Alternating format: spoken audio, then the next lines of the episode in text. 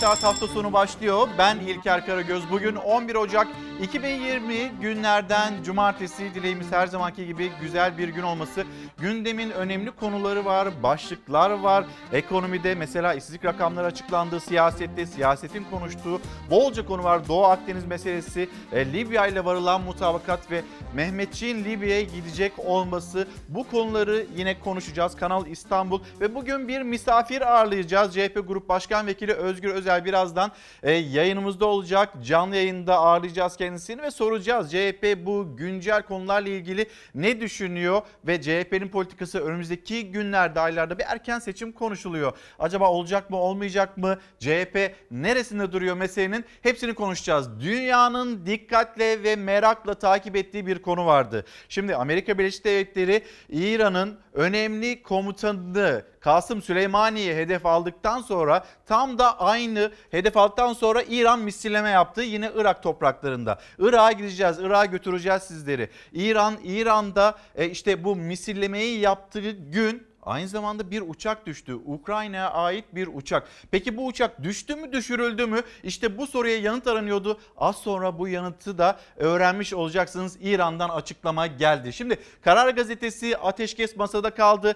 Türkiye ve Rusya e, yan yana geldiler. Putin ayın 8'inde Türkiye'deydi, İstanbul'daydı ve buradan bir çağrı yapıldı. 12 Ocak saatler gece yarısını gösterdiğinde Haftere'de Saraja'da yani e, Tobruk yönetimine de Trablus yönetimine de bir ateşkes çağrısında bulundular. Bu ateşkese, bu çağrıya Hafter ne yanıt verdi birazdan öğreneceksiniz. Devam edelim. Diğer başlıklara baktığımızda işte Cumhuriyet Gazetesi işleri olursa evlenecekler. Mesela Cumhurbaşkanı Erdoğan'ın e, gençler artık genç yaşlarda evlenmiyorlar. 30'unu aşkın evleniyorlar ya da hiç evlenmiyorlar. Neden böyle oluyor diye sorulduğunda muhalefetin yanıtı ya da gazetelerin yanıtlarına baktığımızda işleri olursa evlenecekler şeklinde işsizlik rakamlarını hep birlikte konuşalım istiyoruz. Devam edelim. Sözcü gazetesi kanal mı işsizlik mi 75 milyar liralık bir proje daha fazlası olabileceği söyleniyor. E şimdi böyle bir durum içindeyken, ekonomide bir darboğaz varken, sıkıntı varken, işsizlik meselesi varken bunlar çözülmeden biz bu yatırımı nasıl yapıyoruz? Neden yapıyoruz? Bir de bu yatırım akılcı mı değil mi? Ekonomik açıdan değerlendirilmek bir yana dursun. Çevresel olarak, jeopolitik olarak ya da jeolojik olarak bunların da bir değerlendirilmesi, irdelenmesi gerekmiyor mu? Hepsini konuşacağız. Hatta misafirimize de soracağız. Ama önce önce bütün dünyanın konuştuğu ve yanıtını merak ettiği konu. İran, İran'da düşen Ukrayna'ya ait olan o uçak düştü mü düşürüldü mü? Bir füze mi isabet etti yoksa bir teknik arıza nedeniyle mi e, bu uçak düştü? 176 kişinin yaşamını yitirmesiyle sonuçlanan o uçağın insan hatasıyla düştüğünü, düşürüldüğünü İran ordusu açıkladı.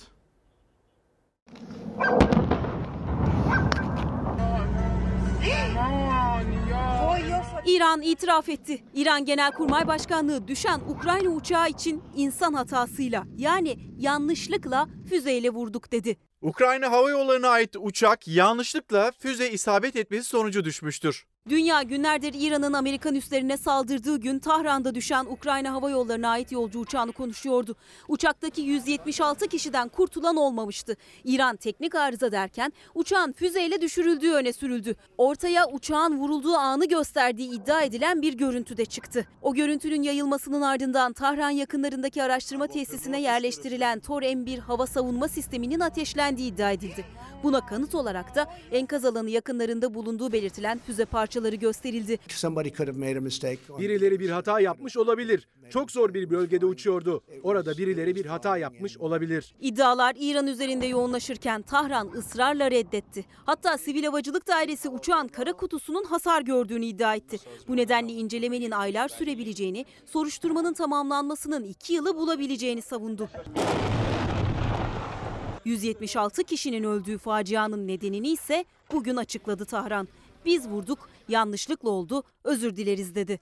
Ukrayna Hava Yolları'na ait uçak yanlışlıkla füze isabet etmesi sonucu düşmüştür. Düşen uçakta ölenlerin ailelerinden özür ve başsağlığı diliyoruz. Tahran günlerce reddettiği iddiaları ABD'yi suçlayarak itiraf etti. Amerika'nın kriz zamanı neden olduğu insan hatası felakete yol açtı. ABD'de ise Başkan Trump'ın İran'a savaş açma yetkisini kısıtlayan tasarı konuşulurken Washington İran'a karşı maksimum baskı politikasını ilan etti ve yeni ticari yaptırımları yürürlüğe koydu. Rejime milyarlarca dolar desteği keseceğiz. Dışişleri Bakanı Pompeo ve Hazine Bakanı München yaptırımların tekstilden madenciliğe pek çok alanı kapsadığını açıkladı. Trump'ın yetkisini kısıtlayan yasa tasarısı ise önümüzdeki günlerde Cumhuriyetçilerin çoğunlukta olduğu Senato'da oylanacak.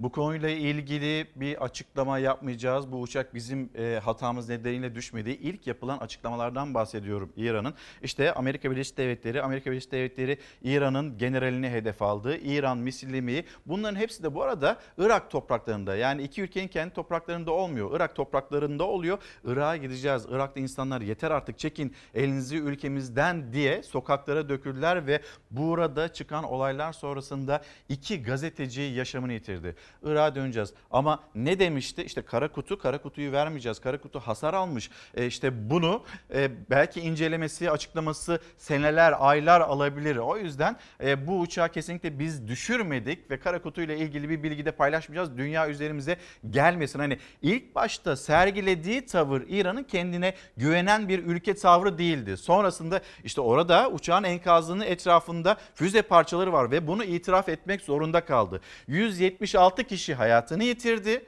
ve sonrasında bir özür dilendi. İtiraf etmek zorunda kaldı. İran bu gerçekten kaçamadı. Bugünkü başlığımız da aslında gerçek bu başlığımızda buradan seçtik. İran gerçeği itiraf etmek zorunda kaldı. Daha fazla saklayamadı. Zaten buz gibi de ortadaydı o gerçek. Şimdi devam edeceğiz ama bir dışarıyı göstereyim sizlere. Yeni gün nasıl başlıyor? Bütün dünyanın konuştuğu ya da konuşacağı konuyu aktardık sizlere. Sıcak bir gelişme ve bir son dakika gelişmesi olarak. İşte şu anda İstanbul'u görüyorsunuz. İstanbul yepyeni bir güne başlıyor ve bugün hava e, açık olacak, güneşli olacak ama o güneş ne kadar ısıtır derseniz hava sıcaklığının 11 derece dolaylarında en yüksek ölçüleceğini söyleyelim. Bir memleket havası diyelim ve bölgenin sıcak haberlerini aktarmayı sürdürelim.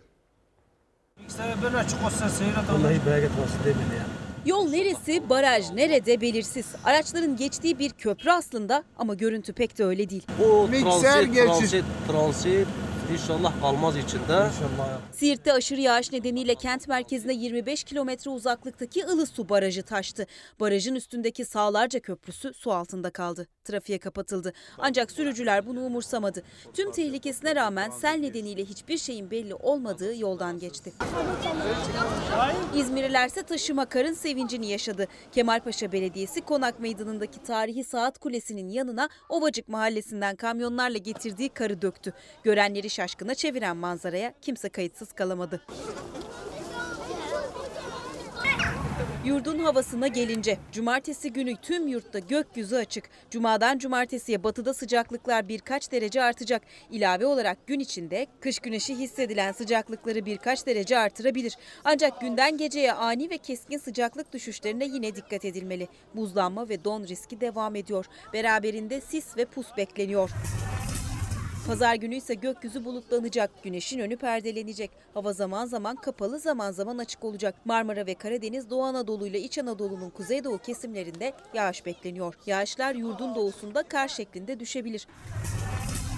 Pazartesi günü itibariyle başlayan yeni hafta pazar gününün havasını aratmayacak. Ancak salıdan itibaren sıcaklık 3-4 derece artacak. Afyonkarahisar, Konya, Burdur ve Antalya hariç yurdun tamamı güneşli olacak. Şimdi yeniden bölgeye döneceğiz. Gazeteci Yavuz Ohan, İran son olaylarda tam kepaze oldu. Bir cenazeyi defnetmeyi beceremedi. 80 vatandaşı öldü. Füzeleri boş araziye önceden haber vererek attı. Evet bir misilleme gerçekleştirildi. Amerika Birleşik Devletleri'nin Irak'taki e, topraklardaki o üslerine ve iddia o ki Pentagon'daki yetkililer söylüyor. İran Amerika Birleşik Devletleri'ne saldıracağını, füzeleri ateşleyeceğini haber verdi. Irak üzerinden haber verdi. İşte 80 Amerikalı öldü dedi. İran'ın yaptığı açıklama ilk başta bu şekildeydi. Ama bu da fos çıktı. Şimdi de Yolcu uçağını yanlışlıkla düşürdüm diyerek 176 kişinin katili olduğunu kabul etti. Gerçek bu. Yani bu gerçeklerden kaçamıyorsunuz. Eninde sonunda ortaya çıkıyor. Zaten enkazın etrafındaki o füze parçaları çok net olarak görülmüştü, gözlemlenmişti ve 176 kişi yaşamını yitirdi. Özür dileniyor şimdi. Başlangıçta ne alakası var bizimle alakası yok diyen e, İran sonradan özür dileriz. Evet bir insan hatası nedeniyle biz yaptık yanıtını vermek zorunda. Tüm bu gelişmeler nerede oluyor? Tüm bu gelişmeler Amerika Birleşik Devletleri ve İran nerede birbirine misillemeler gerçekleştiriyor ya da operasyon çekiyor? Bunları Irak'ta yapıyor ve Irak halkı yeter artık üzerimizden elinizi çekin. Ülkemizden, topraklarımızdan gidin protestoları gerçekleştiriyor. Irak'ta sokaklar alev alev. Bir süredir durulan hükümet karşıtı protestolar bugün İran başkenti Bağdat olmak üzere birçok kentte yeniden başladı. Tahrir Meydanı'nda İran ABD dışarı sloganları atıldı. İki gazeteci öldürüldü. İranlı General Süleymani'nin ABD tarafından Bağdat'ta öldürülmesinden bu yana sessiz kalan hükümet karşıtı protestocular bugün Bağdat, Kerbela, Necef, Basra, Babil ve daha pek çok şehirde yeniden sokağa döküldü. Basra kentinde ise güvenlik güçlerini İran karşıtı protestocuları bastırmak için rastgele gözaltına alma iddiasıyla suçlayan bir muhabir ve kameraman kimliği belirsiz kişilerce arabalarında öldürüldü. Gazetecinin öldürülmesinin ardından evinin kapısında toplanan yüzlerce protestocu intikam alacağız sloganı attı. Irak'ta geçen Ekim ayında başlayan protestolarda 500'den fazla kişi hayatını kaybederken 20 binden fazla kişi ise yaralandı. Adana günaydın Arzu Eratak. E, Tekirdağ günaydınlarımızı Nur Gençkan aracılığıyla gönderelim. Esma Hanım bizlere Çorum'dan merhaba diyor. Günaydınlar diyelim biz de Çorum'a. Mahmut Nejat Yavuz da Antalya'dan. Gündeme dair sizlerin mesajları varsa kuşkusuz elimizden geldiğince bunlara da bakmaya çalışacağız. Hızlı hızlı devam edelim. İşte o sıcak konulardan bir tanesi, başlıklardan bir tanesi. Ateşkes masada kaldı. Karar Gazetesi'nin manşeti. İstanbul'daki Erdoğan-Putin zirvesinde dünyayı korkutan iki gerilim üssü olan Suriye ve Libya için silahlar sussun çağrısı yapıldı. Ancak Haliç mutabakatı söylemden öteye ulaşamadı. Şimdi iki coğrafya hem Suriye hem de Libya. İsterseniz önce bir Suriye'ye gidelim. Suriye'de İdlib'de insanlar üzerlerine sivillerin üzerine çocukların, masumların, kadınların, yaşlıların onların üzerlerine bombalar yağıyor ve şu anda işte devletin verdiği rakamlara göre 300 binin üzerinde insan İdlib'i ve İdlib'in çevresini terk etmek zorunda kaldı ve Türkiye sınırına doğru ilerliyor. Hatay Belediye Başkanı'nın açıklamasını duyacaksınız. Az sonra vereceğimiz haberde. Aynı zamanda İçişleri Bakanı Süleyman Soylu Amerika Birleşik e, Almanya ile düzeltiyorum. Türkiye arasında bir kıyaslama yaptı. İşte onlar bu kadar gelire sahipler ama ne kadar mülteci e, barındırıyorlar? Bir de Türkiye'ye bakmak gerekiyor deniliyor. Şimdi bu konuyla ilgili Milliyet Gazetesi'nde de bir haber var. İdlib'de 12 Ocak'ta ateşkes kararı Türkiye ve Rusya İdlib'de 12 Ocak saat 001'den itibaren ateşkesin uygulanması konusunda mutabık kaldı. Milli Savunma Bakanlığı'ndan yapılan açıklamalarda bu yöndeydi. Hemen o sıcak açıklamaları paylaşalım. Sonra da Libya'yı konuşalım. Aylardır acının dinmediği İdlib'de ateşkes ilan edildi. Milli Savunma Bakanlığı yaptığı açıklamayla İdlib gerginliği azaltma bölgesi içerisinde hava kara saldırılarının durdurulması, can kayıplarıyla yeni göç akımlarının önlenmesi ve hayatın yeniden normale döndürülmesine katkı sağlamak maksadıyla Türkiye ve Rusya Federasyonu ateşkes rejiminin uygulanması konusunda mutabık kalmışlardır dedi. Ateşkesin 12 Ocak'ta gece yarısından itibaren başlayacağını duyurdu. Suriye'de rejim güçlerinin Rusya desteğiyle İdlib'e başlattığı operasyonda günden güne artıyor acı bilanço. Binlerce insan evlerini terk edip sınıra akın ediyor. İçişleri Bakanı Süleyman Soylu, Almanya ve Fransa'daki sığınmacı sayılarını örnek gösterip Türkiye'deki sığınmacı sayısına vurgu yaptı. Almanya'nın milli geliri 3.9 trilyon dolar. Barındırdığı mülteci sayısı ise 1.4 milyon kişi. Fransa'nın 2.8 trilyon dolar, barındırdığı mülteci 400 bin kişi. Bizim milli gelirimiz 771 milyon milyar dolar. Ülkemizde sadece Suriyeli sayısı 3 milyon 571 bin kişi. Bu dengesizliğe rağmen biz bunu başarıyla beraber yönetiyoruz. Hatay Belediye Başkanı Lütfi Savaşsa değil 300 bin, 3 sığınmacı daha alabilecek kapasitemiz yok dedi. 1 milyon 630 bin nüfusumuz var. Üçte bir kadar da Suriye'den gelen 500 binin üstünde misafirimiz var. Bu 1 milyon 610 bin nüfusun kendi istika- istikakını gelen misafirlerle birlikte paylaştık. Yani evinizde 3 kişi varsa dördüncü bir insanla da bunu 8 yıl boyunca paylaşıyorsunuz. Gerçekten de kendi insanımızda hem sosyolojik anlamda hem psikolojik anlamda özellikle de son zamanlarda ekonomik anlamda çok yoruldu. Bizim e, bundan sonra bir göç dalgasını kaldıracak gerçekten de psikolojik altyapımız maalesef kalmamıştır.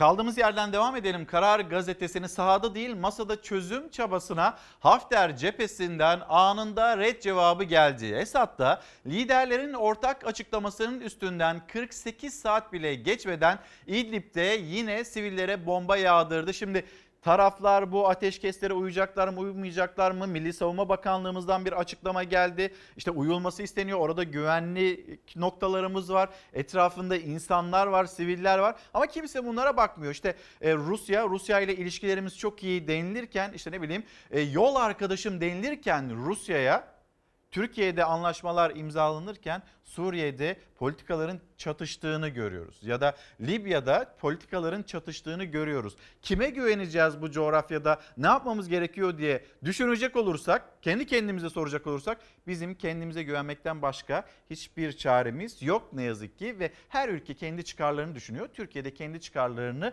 düşünerek yol, yol almak durumunda. Cumhurbaşkanı Erdoğan ve Rusya lideri Putin Türk akım açısından e, açılışında Lidlib ve İbya'da e, ateşkes yapılması için ortak çağrıda bulundu. Libya'da ateşkesin 12 Ocak gece yarısından itibaren geçerli olacağı belirtildi. Ancak Hafter buna uymayacağını da söyledi. O gün yapılan açıklama şu şekildeydi. Mevcut kritik şartlar altında ve ilgili Birleşmiş Milletler Güvenlik Kurulu kararlarının ortaya koyduğu amaçlar ışığında inisiyatif almaya karar verdik. Bunu hem Türkiye söylüyor hem de Rusya söylüyor. Biz inisiyatif almaya karar verdik. Bu çerçevede ara bulucular olarak yani hem Türkiye hem de Rusya kendisini burada yaşanılan Hafter'le Sarac arasında yaşanılan tartışmada bir ara bulucu olarak atamış bulunuyorlar. Yani biz ara bulucuyuz diyorlar. Bunu ilan ediyorlar. Ara bulucular olarak Libya'daki tüm taraflara çatışmaları 12 Ocak günü saat 00 itibariyle durdurmak yönünde de bir çağrı yapıyorlar. Ama dün bir açıklama AK Parti Genel Başkan Yardımcısı Mahir Ünal'ın yaptığı bir açıklamaydı. Yani Türkiye, Türkiye'nin durması gereken pozisyon burası. Arap Ligi çağrılsın demişti mesela Cumhuriyet Halk Partisi ya da Birleşmiş Milletler güvenlik gücünü ya da barış gücünü oraya göndersin çağrıları yapılmıştı. Yani siz ara bulucu olun denilmişti. Buna çok sert cümlelerle itiraz etti Cumhurbaşkanı Erdoğan. Hafter'e dönüp bakıyorsunuz biz bu aracı buluculuğu da kabul etmiyoruz. Bu çatışmasızlık çağrısında kabul etmiyoruz dedi. Ve Türkiye'den gelen yeni açıklama AK Parti'nin içinden gelen yeni açıklama hayır canım ne ara buluculuğu öyle bir şey söylemedik bizim böyle bir çağrımız yok denildi. Ama iki ülke Türkiye, Rusya iki ülkenin devlet başkanları, Cumhurbaşkanı, Rusya'nın devlet başkanı işte bu cümleyi kuruyor. Biz ara bulucular olarak diyor devamında öyle getiriyor. Meşru hükümetle darbeci arasında ara bulucu olunur mu? Arabulucular olarak Libya'daki tüm taraflara sürdürülebilir bir ateşkes ilan etmek için derhal bir müzakere masasının etrafında bir araya gelme çağrısında bulunuyoruz. Benim söylediğimi yanlış olarak görüyorsun. İlla Putin mi diyecek? Cumhurbaşkanının Libya'da arabulucu olunur mu cümlesinden 3 gün sonra gerçekleşen Erdoğan-Putin zirvesinin ardından iki liderin yaptığı ortak açıklamada Türkiye ve Rusya için arabulucular ifadesi kullanıldı. AK Partili Mahir Ünal ise resmi açıklamaya rağmen arabuluculuk yok dedi. Bir arabuluculuk herhangi bir şekilde söz konusu değil. Rusya ile konuştuktan sonra genel başkanlarının bizim dediğimiz noktaya gelmiş olması Mahir Ünal'ı rahatsız etmiş. Bir tarafta darbeci var, bir tarafta meşru hükümet var. Meşru hükümetle darbeci arasında arabulucu olunur mu? Cumhurbaşkanı Erdoğan'ın bu açıklaması Kılıçdaroğlu'nun Libya'ya asker gönderilmesine karşı kurduğu cümlelere yanıttı. CHP lideri Birleşmiş Milletler Barış Gücü gitsin, Türkiye arabuluculuk rolü üstlensin demiş. Erdoğan, Kılıçdaroğlu uluslararası hukuk bilmiyor, Tobruk yönetimi yani Hafter darbeci diyerek o çağrıya karşı çıkmıştı. PKK terör örgütüyle devletimiz arasında arabuluculuk yapma gayreti içerisine girenler var ya buna benzer. Putin geldi ne oldu? CHP lideri Haber Global televizyonunda konuştu. İstanbul'daki Erdoğan-Putin zirvesi sonra yapılan ortak açıklamada Türkiye'nin desteklediği Trablus ve Rusya'nın desteklediği Hafter yönetimine ateşkes çağrısını hatırlattı.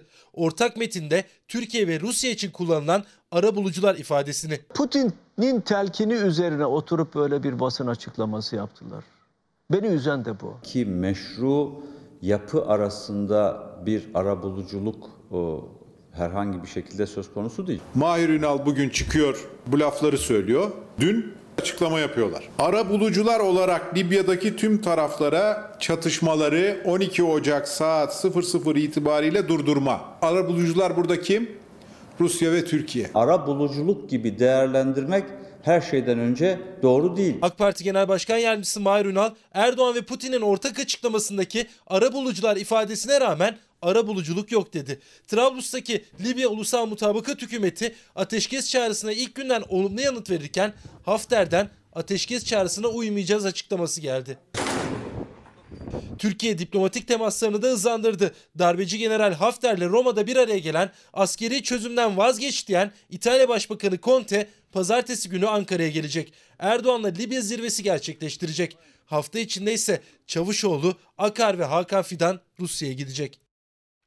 Bir diplomasi trafiği başlıyor. Bu coğrafyada işte Suriye'ye bakıyorsunuz. işte ortalık karışık. Türkiye'nin çağrısı. E, Esad bu çağrıya uyacak mı uymayacak mı? Suriye için bunlar gerçekleşiyor. İşte Irak'ı gösterdik az önce sizlere. Irak'ta işte İran'a da çağrıları var. Amerika Birleşik Devletleri'ne de çağrıları var. Ya da kendi topraklarında işte bizim Mehmetçiğimiz de orada bizi kendimize bırakın diyen ve sokaklara dökülen e, insanları görüyorsunuz. İran, İran Amerika Birleşik Devletleri'ne misilleme gerçekleştiriyor. O misillemeyi gerçekleştirirken kusura bakmayın özür dileriz diyor. 176 kişinin ölümüyle sonuçlanan bir uçak faciasına e, neden oluyor. İşte dönüp bakıyorsunuz Orta e, Orta Doğu tam bir yangın yeri.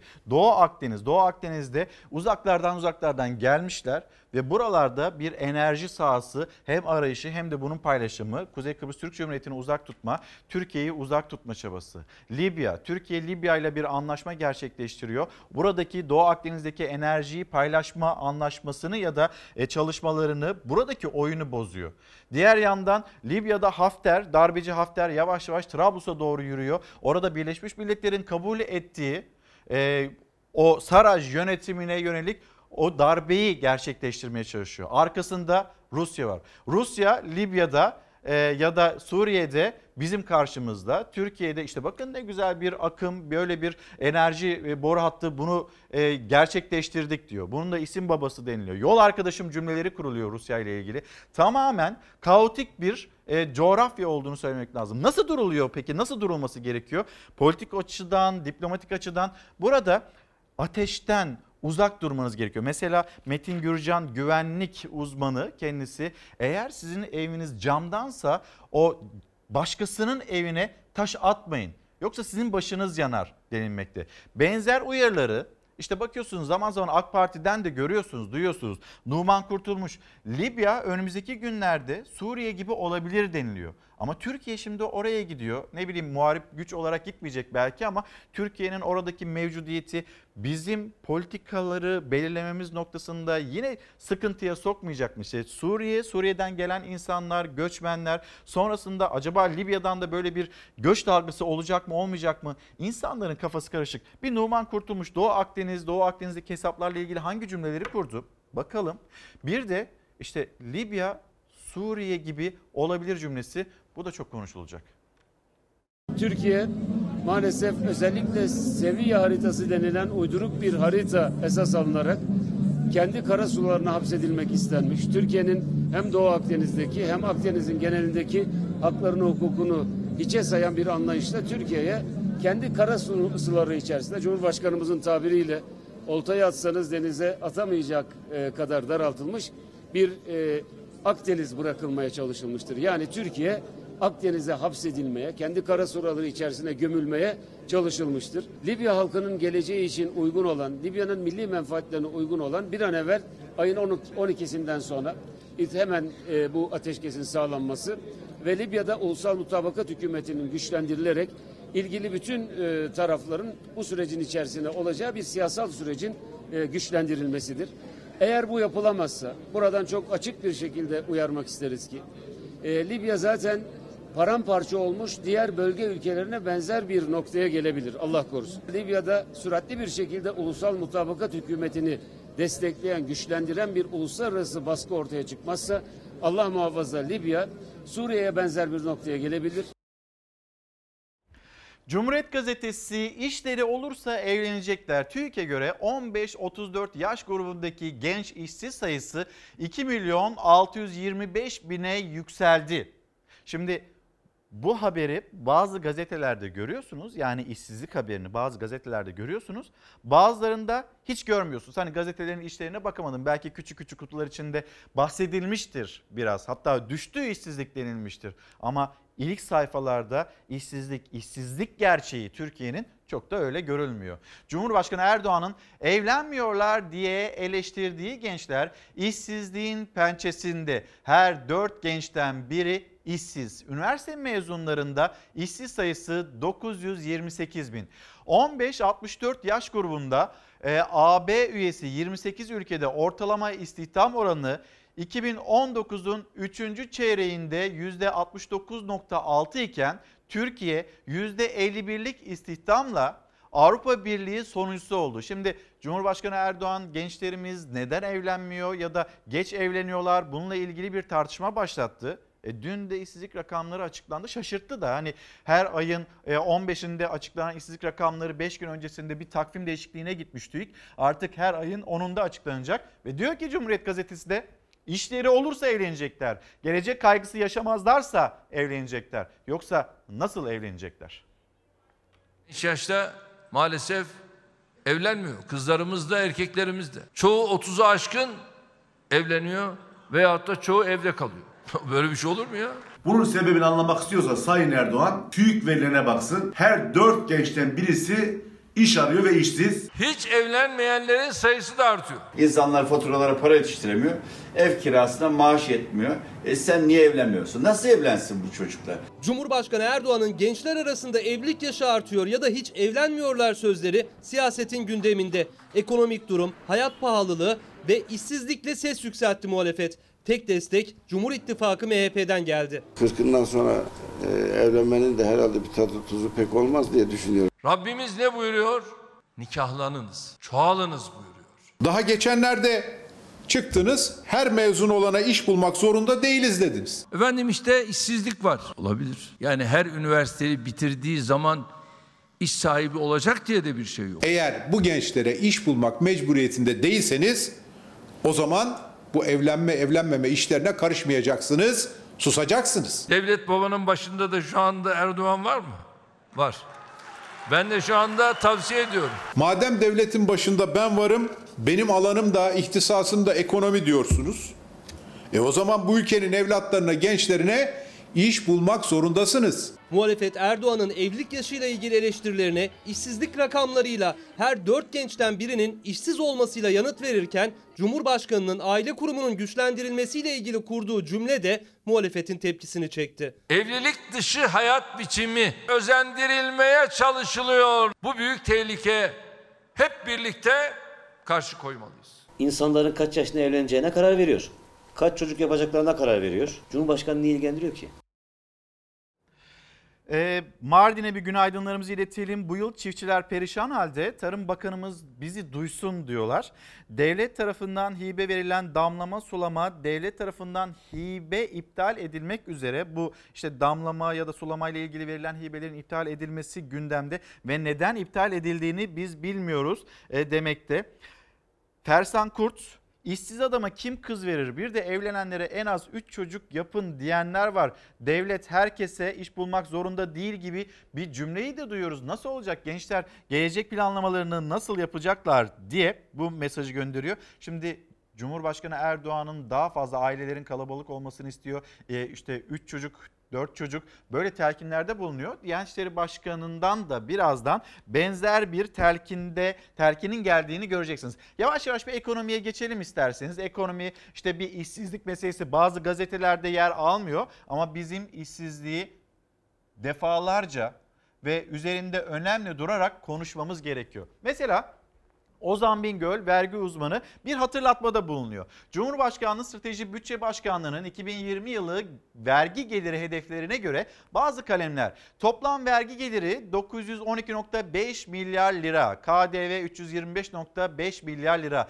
gelir vergisi 187.5 milyar lira, ÖTV 176.1 milyar lira, MTV işte sürekli beklenen Hatırlayacaksınız devletin enflasyonun ne kadar çıktığını %22.58. Yani devletin açıkladığı enflasyon bu. İşte cezalar, vergiler bu şekilde arttı ve buralardan beklenen gelirleri de yine Ozan Bingöl kalem kalem açıklamış. Bu yıl beklenen toplam 912.5 milyar lira vergi gelirinin 501 milyar lirası yani %55'i sadece KDV ve ÖTV'den beklenmektedir. Durum böyle olduğu sürece de vergi adaletinden bahsetmek mümkün değildir. Veysel Ulusoy, Profesör Doktor Veysel Ulusoy. Şimdi Veysel Hoca'nın işsizlikle ilgili görüşlerini de ekranlarınıza taşıyacağız ama öncesinde düğmeye basarak faizi, metodu değiştirerek enflasyonu baskılayarak da döviz kurunu düşürürseniz işsizlik yapışkan hale gelir demekte. Uğur Gürses ekonomi yazarlarından birisi ve önemli bir noktaya dikkat çekiyor. Son bir yılda çalışma çağındaki nüfus 958 bin kişi artarken ne olmuş da geçmişten farklı olarak. Bunların sadece 82 bini iş gücüne katılmış. Miras mı kalmış? Piyango mu çıkmış? İstihdam alanı mı yaratılmış? Yoksa işsizlik oranı düşük çıksın diye mi iş gücüne katılmamışlar? Bir tablo ve aklındaki soruyu yöneltiyor. Mahve İlmez bir başka tabloyla işsizliği değerlendiriyor. İşsizlik oranı Ekim ayında Eylül'e göre %13.8'den %13.4'e geniş işsizlik %19.5'dan 19'a geriledi. İstihdam bir yılda artmadı geriledi. Yani istihdam artmadı. Nasıl oluyor bu işsizlik rakamları geriliyor? TÜİK verilerine göre hazırladığım özet işte aşağıda tabloda demekte ve kalem kalem iş gücü istihdam bunları anlatıyor. Resmi işsizlik ve geniş işsizlik oranları. Özcan Kadıoğlu 2019 Ekim ayında bir yıl önceye göre çalışabilecek nüfus 915 bin kişi artarken iş gücüne katılımsa 82 bin kişi artmış. İlginç bir durum. 832 bin kişi nereye gitti? Acaba bu insanlar iş bulamayacaklarını düşünerek istihdama katılmayı gereksiz mi gördüler? Bunların hepsi çok önemli. Bakın bazı gazetelerde yok görmüyorsunuz ama Türkiye'nin yaşadığı sorun bu. İnsanlar memurlar aldıkları zam oranlarından şikayetçiler. Ankara'ya götüreceğiz. Memurların çok garip bir protestosu oldu. İşte o %4'lük zamlar sonrasında enflasyon farkları eklendi. %5'in üzerine çıktı. İtiraz ediyorlar. Geçinemiyoruz diyorlar. Bir tarafta enflasyon, hayat pahalılığı, diğer tarafta işsizlik meselesi. Bunları görmeyince ortadan kaybolmuyor ama bu gerçekler. İşte buz gibi ortada duruyor. Yalçın Karatepe Hoca da Eylül'den Ekim'e çalışan sayısı 97 bin azalmış. Ama aynı dönemde işsiz sayısı da 170 bin kişi azalmış. Daha az çalışanla işsiz sayısını düşürmek nasıl oluyor? Yani insanları ya da bu konunun ehli, ekonominin ehli insanları açıklanan rakamlar ikna etmiyor.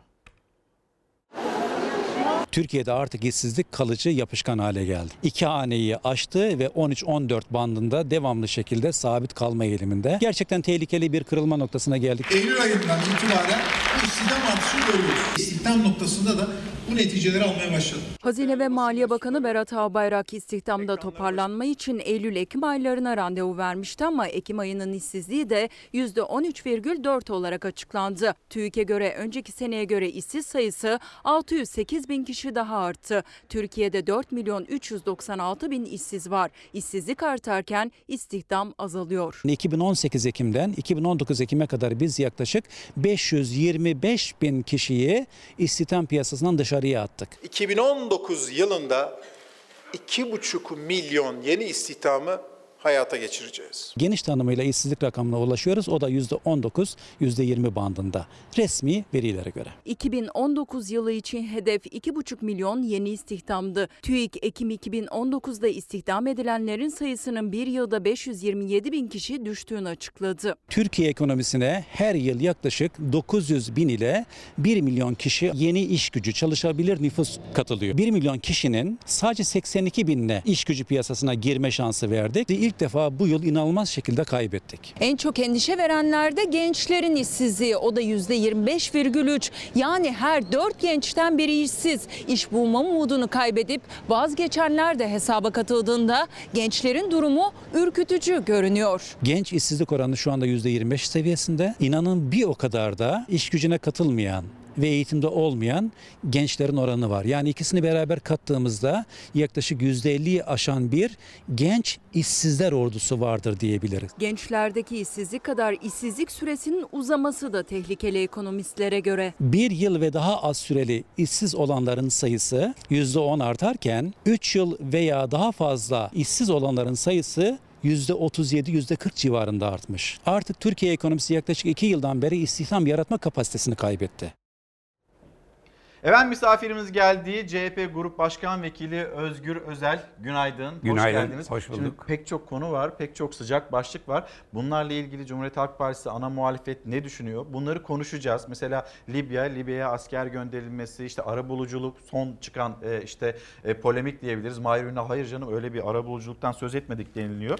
E, ama bakıyorsunuz e, Türkiye ve Rusya'nın yaptığı ortak açıklama yani devlet başkanlarının yaptığı açıklamada arabulucular bizler arabulucu olarak Libya'daki tüm taraflara çatışmasızlık e, e, çağrısında bulunuyoruz gibi bu cümle e, yerli yerinde durmakta. Konuşacağız ama ekonomiyle başlayalım. İşte işsizlik rakamları, e, TÜİK'in açıkladığı veriler var ama e, ekonomi uzmanlarını, işte iktisatçıları, profesörleri e, ikna etmiyor. Ama burada da bir gerçek var. Ne dersiniz? Türkiye Nisan'da 16 Nisan'da yapılan anayasa değişikliğinden ve ona uygun yapılan 24 Haziran seçiminden itibaren büyük bir savrulmayı yaşıyor. Ve Türkiye aslında yönetilmiyor. Türkiye bir şekilde freni boşalmış veya direksiyonun başında artık şoförü olmayan bir araç gibi yokuş aşağı gidiyor. Bütün göstergeler olumsuz. Yapılan bütün müdahaleler akıl, bilim, mantık yerine iç siyasete yönelik hamaset kokan işler. Ve bugün geldiğimiz noktada artık çığlığı kimse duymuyor. Ben dün bakanın işte biz jestimizi yaptık. Jest dediğimiz 75 liraydı lafından aynı partide olmamamıza rağmen bu bakanın aslında bu sözünün kendi siyaseti açısından bir gaf ve bizim rakiplerimizi yıpratacak bir şey olmasına rağmen bir Türkiye Cumhuriyeti vatandaşı olarak utandım, sıkıldım. Ve mikrofonlar uzatıldı vatandaşa. Bir vatandaş şey dedi, bir asker ücretli kardeşim, ya bu kadarı da az oldu, 2500 lira olaydı keşke dedi. İnsanın gırtlağı düğümleniyor. Yani 175 liraya bu yoksulluğa, bu açlığa daha fazla direnebileceğini düşünüyor. 75 liralık jest de e, İşçinin kendisine Yani, değil, evet. işverene, işverenin vergi yüküne yapılmış bir jest ve işçinin cebine yansıyan bir şey de değil. İşsizlik fonundan. İşsizlik fonundan yani işçinin de kumbarasından. O işsizlik fonu kötü günler için işçinin kumbarası. Oraya işçi de işveren de para atıyor, devlet de para atıyor ama bu işsizlik fonu kurulduğunda işçi için kullanılacağı, işsiz kalındığı kötü günler için kullanılacağı söyleniyordu. Pek azı bunun için kullanılıyor. %10'u, 15'i bunun için kullanılıyor. Kalanıyla yapılmadık yer kalmadı, kullanılmadık yer kalmadı. Bir gerçek var. Mutfakta bir yangın var, sokakta bir yangın var, bir çığlık var. Gerekirse sizinle paylaşabilirim. Dün Manisa'da bir kardeşimiz, kekeme bir kardeşimiz, kekemeyim diye iş bulamıyorum diyor. Bir yerel televizyon gazete haberini yapmış. Yazında dışarılarda yatarmış. Bu da bizim ayıbımız. Kış gelince engelli kartı da varmış. Soğuktan köprü altlarında yatamıyormuş. Engelli kartıyla ücretsiz bilet alıp An- e, Manisa, Ankara, Ankara, Manisa gelip soğuktan korunuyor. Ve güç bela dün geç saatlerde ulaştık. Ben Manisa'ya gelince bir çare bulacağız kardeşim dedim. Yani kendi seçim bölgende böyle bir şey varsa nasıl sessiz kalırsın? Bugün yayına çıkmadan önce abi kaçta gelirsin ben bir Ankara Manisa daha yapayım mı diyor. Düşünsenize soğuktan korunmak için trenle Ankara Manisa arasında giden insanlar var. Çalışabilecek yaşta engelli, kekeme diye iş bulamamış, babası ölmüş sokakta kalmış insanlar. Bir yandan da hiç bunu görmeyen, kendi varlıklarına varlık katan, kendi yandaşlarını zenginleştiren, oradan kendini finanse eden ve ülkeyi artık bir parti devleti diyorduk artık ondan da vazgeçtik. Bir aile devleti olarak yönetenler. Cumhurbaşkanı maaşına yüzde dokuzluk bir zam, küçük bir zam. işçiye 4, e, işçiye 3, memura 4'ü çok görenler, asgari ücrette patrona yapılan 75 lirayı işçiye yapılan jest diye sayanların devletin kasasından yaşadıkları şatafat. Saraylar, uçan saraylar, yüzen saraylar, bakanların kibiri, bakanların ulaşılmazlığı, vatandaşın çığlığı, verilen sözler tutulmayan. Dün e, ben Salihli'deydim dün.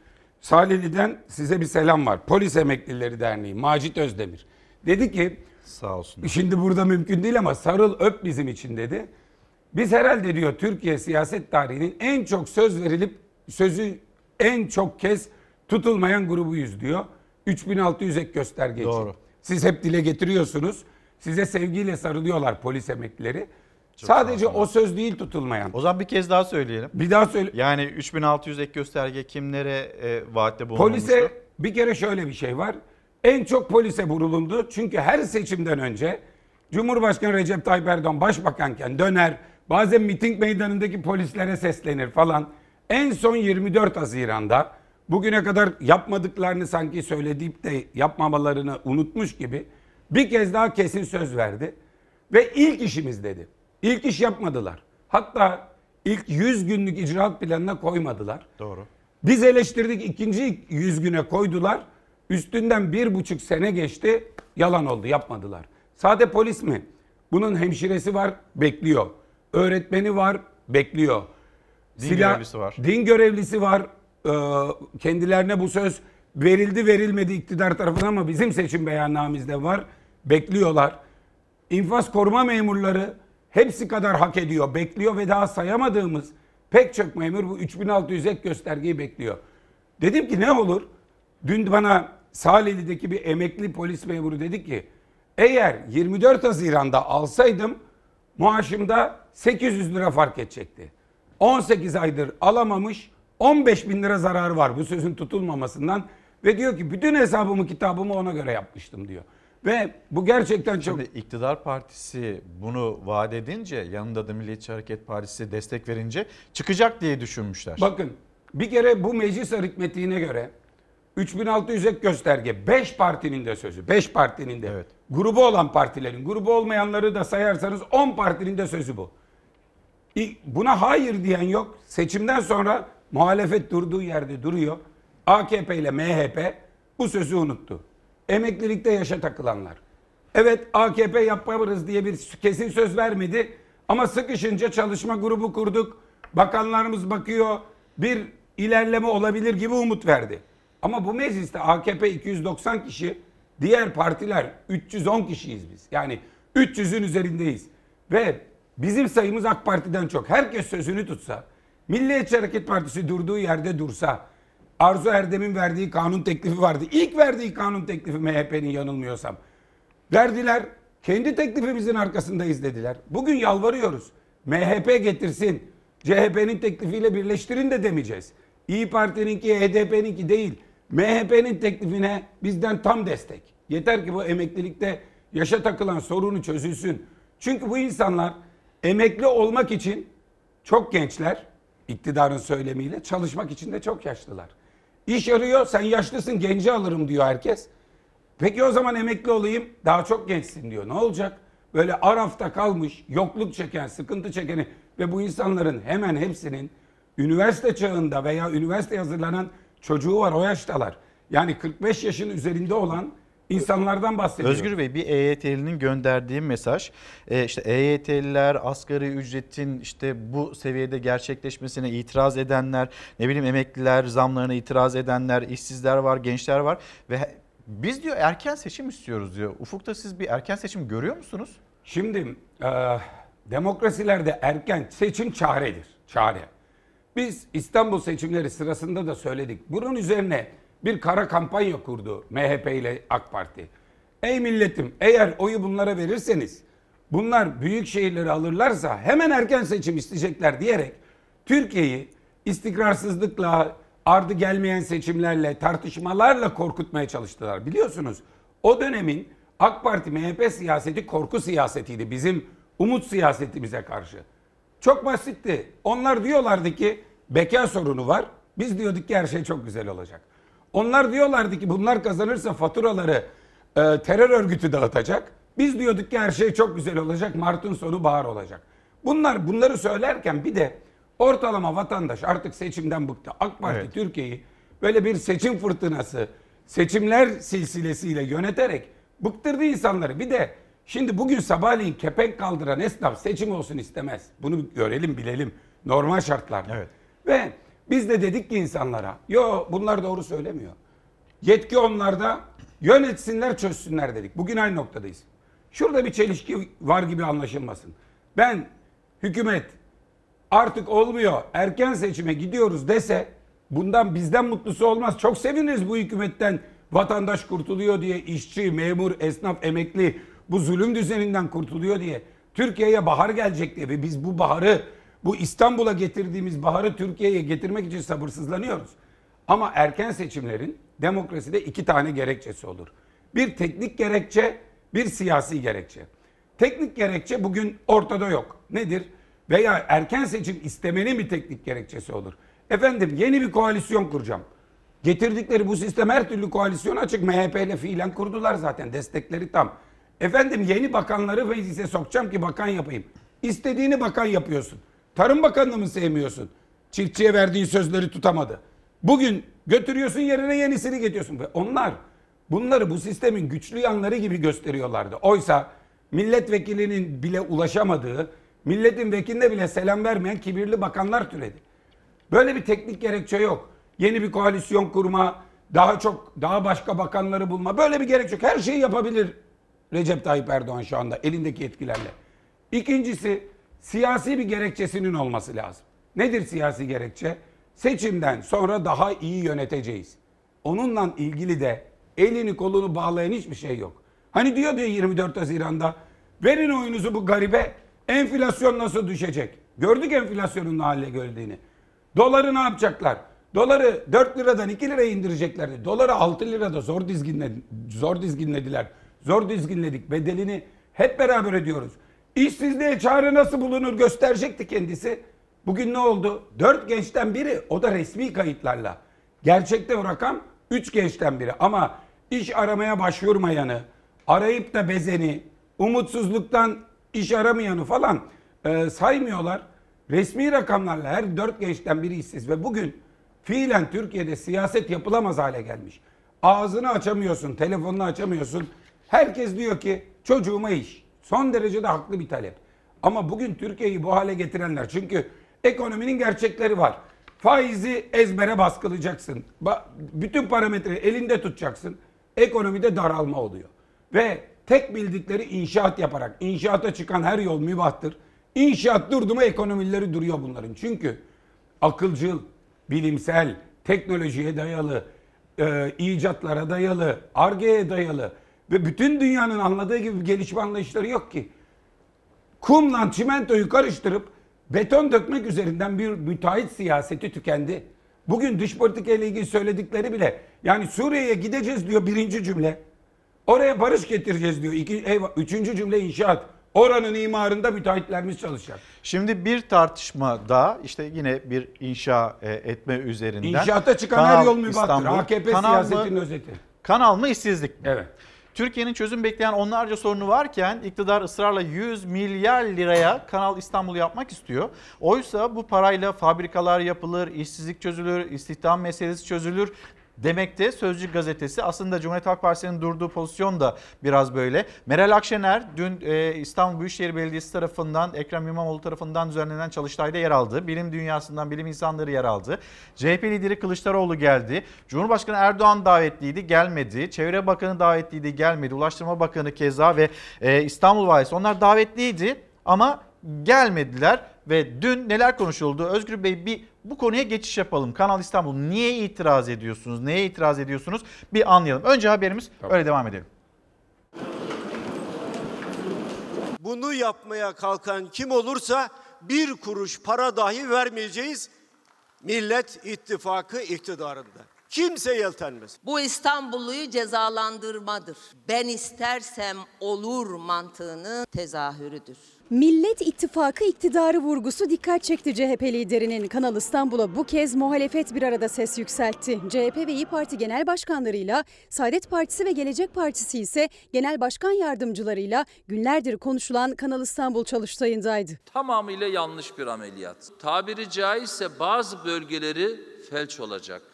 Kimi yerleri sakat kalacak. Bu kez bilim insanların konuşacağı Kanal İstanbul çalıştayına İstanbul Büyükşehir Belediye Başkanı Ekrem İmamoğlu ilgili bakanları ve tüm siyasi partileri davet etmişti. Kanal İstanbul çalıştayı başladı ancak AK Parti çalıştaya katılmadı. İlgili bakanlar ve İstanbul valisi de daveti geri çevirdi. İstanbul valisi rahatsızlığı nedeniyle katılamayacağını bildirdi çalıştaya. AK Parti ve MHP yoktu. Davetli listesinin üst sıralarındaysa Cumhurbaşkanı Erdoğan da vardı. İsteseler de istemeseler de Kanal İstanbul'u yapacağız. Gerçi beyefendi her konuda uzman ama Büyükşehir Belediye Başkanımız beyefendiyi davet etti.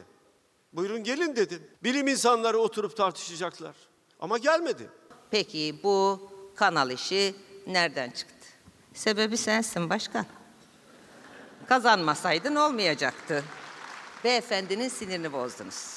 İyi Parti lideri Meral Akşener projenin yeniden gündeme gelmesi siyasi dedi. Ekrem İmamoğlu ise nedenini açıklamak zorundalar diye ses yükseltti. İstanbul'un neden kesilip biçilmek zorunda olduğunu bilmek zorunluluğumuz var. O kıymetli yeşil alanlarını, tatlı su kaynaklarını korumaya, geliştirmeye mecburdur. O su kaynakları ile ilgili en çarpıcı raporunsa TÜBİTAK'tan geldiği ortaya çıktı. Çevre Bakanlığı'nın kabul ettiği ÇED raporunu inceleyen TÜBİTAK, İstanbul'un iki önemli tatlı su kaynağı olan Terkos ve Sazlıdere'nin göreceği zararın ÇED sürecinde incelenmediğini raporlamış. Çet raporunu yerden yere vuruyor. Altında da 6 bilim insanının imzası var. 27 Kasım 2019'da ÇED değerlendirmesi olarak bakanlığa iletilen 6 sayfalık bu raporu CHP lideri Kılıçdaroğlu duyurdu. Çevre Bakanlığı'nın bu raporu neden dikkate almadığını sordu, Cumhurbaşkanı Erdoğan'a seslendi. Eğer bulamazsan o raporu ben sana göndereceğim. Ama diyorsan ki sen gönderdiğin zaman ben inanmıyorum. E Putin'e göndereyim o sana göndersin. Veya Trump'a göndereyim o sana göndersin. CHP lideri Kılıçdaroğlu'nun cümleleri, Meral Akşener'in çıkışları, işte bilim dünyasından bilim insanlarının itirazları. Ve burada çok dikkat çeken bir gelişme TÜBİTAK, TÜBİTAK'ın yaptığı 14 maddelik bir değerlendirme bilimsel değil diyor. İstanbul Büyükşehir Belediyesi Kanal İstanbul Çalıştay'ı düzenledi. Çalıştay'ın açılışında Kemal Kılıçdaroğlu TÜBİTAK'ın hazırladığı raporu gündeme getirdi. Rapor Kanal İstanbul'la ilgili hazırlanan chat raporu için bilimsel değil tespiti yapıyor. Şimdi Devlet Su İşleri'nin bir raporu vardı, itirazları vardı. İşte Terkos İstanbul'un en önemli içme su kaynağı buranın tuzlanabileceği söyleniyor. İşte e, jeolojik olarak belki depremi tetiklemeyecek bu ama çevresine bir yapılaşma, bir imar olursa bunun doğru olmayacağını söyleyen bilim insanları var. İşte burası göç yolları, burası bir çevre, yeraltı suları doğru değil deniliyor. Sizin tarafınızdan. Tabii. Öyle mi? Aynen öyle. Birincisi şöyle bir şey var. Son günlerde ortaya aslında Adalet ve Kalkınma Partisi'nin 17 yıllık iktidarında tamamen e, elinde tuttuğu, üst düzey yönetiminin kendi elinde olduğu kurumların raporları dökülmeye başladı. Birincisi devlet su işleriydi. Nisan 2018'de yazmış. Diyor ki İstanbul'un suyunun %29'unu karşılayan Sazlıdere Barajı ve onu besleyen bütün dereler yok olacak diyor. Birinci uyarısı bu. İşte tuzluluk oranları değişebilir diyor. Kirlilik olabilir diyor. Ve daha İstanbul'la ilgili iki senaryo yazmışlar. Chat raporunda yazana göre iyimser senaryoda çok kötü, kötümser senaryo chat raporunda yazanın 20 katı kadar bir su kaybından bahsediyor. Ve bu dikkate alınmamış. Bu sene Aralık ayının başında Devlet Su İşleri chat raporunu okumuş ve şöyle yazmış. Bizim uyarılarımız raporda neden yer almadı? Birincisi bu Devlet Su İşleri'nin. İkincisi TÜBİTAK raporu kadar belki çok konuşulacak bir şeyi de açıklamakta fayda var. Devlet Hava Meydanları işletmesi. Ne alakası var? Üçüncü havalimanı için diyorlar ki Kanal İstanbul bizim pistimizin çok yakınından geçmektedir. Tehlike var diyor. Ve bugün ikinci bir raporu daha doğrusu ikinci bir uyarıları ortaya çıktı. Üstü kapalı olarak diyor ki bizim pistimizin civarında oluşabilecek yeni bir yapılaşma uçakların güvenli iniş kalkışına engel olur diyor. Yani oradaki ışıkları falan kastederek. Yani Kanal İstanbul'u bir aynı zamanda hem geçiş hem de etrafında bir sürü yerleşim birimi olarak tasarlayanların bu çılgın projeleri 3. havalimanı gibi bir başka çılgın projeyle de çakıştı ve birbirine de sorun çıkarıyor. TÜBİTAK 14 maddede bir rapor yayınlamış. Raporun Kanal İstanbul'u savunanlar açısından okula okunabilecek, ucundan tutulacak tarafı yok. Ve bütün eleştiriler şunu gösteriyor ki Kanal İstanbul projesi bilimsel bir proje değil. Kanal İstanbul projesi ekonomik bir proje değil. Dış, dış politika açısından, jeostrateji açısından doğru adı, atılmış adımlar değil. İşte herkesten okuyoruz. Zaman zaman Mahfiye Ama İlmez'den. şöyle cümleler duyuyoruz. Yani çatlasanız da patlasanız da yapılacak. isteseniz de istemeseniz de yapılacak. E, yani bu Bunların inat- hiçbirisi kamu yönetimindeki cümleler değil. Yani bir kamu yöneticisi çatlasanız da patlasanız da diye bir lafı söylemez. Bu başka bir dil, bu bir sokak ağzı. Veya isteseniz de istemeseniz de böyle bir şey yok. Kamu yöneticisinin dili şudur. Bilim adamlarına sorarız, faydası varsa yaparız, faydası yoksa veya zararı olacaksa cayarız. Biz bunu teklif ettik ama enine boyuna planlamak, projelendirmek bilim insanlarının işi. Ve bunu kim yapacak? Yani şimdi bilim insanlarına zaman zaman da Adalet ve Kalkınma Partililerden şunu görüyoruz. Biz de bilimsel görüşler alıyoruz falan diyorlar. Bir somuta kavuşturamamakla birlikte. Bilim insanı dediğiniz kim? Bu ülkede, burası bir demokrasi ve bu ülkede e, akademik odaların, e, daha doğrusu akademik mesleklerin mensubu olduğu üyelerinin odaları var. Ve bu odaların bir üst birliği var. Türkiye Mühendis Mimarlar Odaları Birliği. Bunun altında dünya kadar mühendis mimar odası örgütlü. Oturmuşlar demişler ki biz İstanbul kanalıyla ilgili bir çalışma yapalım. Ben şimdi baştan sona saymayayım ama jeoloji mühendislerinden başlıyor. Çevre mühendislerinden, aklınıza ziraat mühendislerine kadar herkes kendi açısından 20'ye yakın oda değerlendirmiş. Ve her biri başka bir soruna. Bu odalar. Ya bir tanesi olsun demiyor mu mesela? Şimdi bir tanesi olsun demiyor. Bunun içinde ne var? İşte mimarlar var, inşaat mühendisleri var. Yani bu kanal olsa kendileri açısından da içinde bulundukları sektörün hareketleneceği, belki daha oraya düşünsenize kaç tane ev yapılacak, kaç tane rezidans yapılacak. Dünya kadar proje çizecekler mesela değil mi? İstemez mi onlar? Bu ki mühendisler, mimarlar bu tip projeleri severler. İstemez mi onlar? Ama diyorlar ki Türkiye için felaket olur. Doğrusu nedir? Bunu oturup tartışmak lazım değil mi? Mesela Sayın Kemal Kılıçdaroğlu, Sayın Cumhurbaşkanı Kanal İstanbul'u tartışmak üzere televizyona davet etti çıkmıyorlar. Sayın Ekrem İmamoğlu dedi ki randevu verin ben gelip anlatayım zararlarını dedi. Bu randevuyu vermiyorlar. Yaptıkları toplantılara bizi çağırmıyorlar. Biz dün bir toplantı yaptık. Yani 16 milyonluk bir şehri yöneten ve gücünü 23 Haziran'da yapılmış seçimlerde %50'nin çok üzerinde %54'lük bir oyla İstanbul'a seçilmiş birisinin bir daveti var. Kime? Bütün siyasi partilere bu daveti yapıyor. Ama kategorik yaklaşıyorlar, siyasi yaklaşıyorlar. Dün bir bakan gelse, o gördüğünüz nezih toplantıda bakana bir saygısızlık olur mu? Bakanın söyleyeceği sözle ilgili bir sıkıntı olur mu? Koca koca ekranlar var. Bakan bilimsel sunumlarını orada sunsa, ikna üretse 81 milyon önünde gık diyebilecek olur mu? Canlı yayındayız ya. Oraya Cumhurbaşkanı'nın gelmesi hadi gelmedi. O çok büyük, çok kibirli, çok güçlü. O sadece o çağırır. Peki böyle bir toplantıyı yapsınlar, organize etsinler, bilim insanlarını çağırsınlar, bizi de çağırsınlar, oturalım tartışalım. Yapmıyorlar. Dünkü toplantıya İstanbul valisi hasta. Vali hastaysa vali yardımcıların hepsi mi hasta? Olacak iş mi? Bakanın mazereti var. E bakan yardımcıları var, genel müdürler var. Koskoca devletten oraya çıkıp da kanalı savunabilecek birisini bulamadınız mı? Demek ki şu. Tartışmayı bilimsel, demokratik ve açık bir şekilde yapmak istemiyorlar. Demek ki başka bir hesap var. Başka hesabı da biliyoruz. Defalarca burada gördük. Sözcü gazetesi, Fox TV o kanalın etrafında Arap sermayesi, Katar, Birleşik Arap Emirlikleri, Suudi Arabistan dünya kadar arsa almış.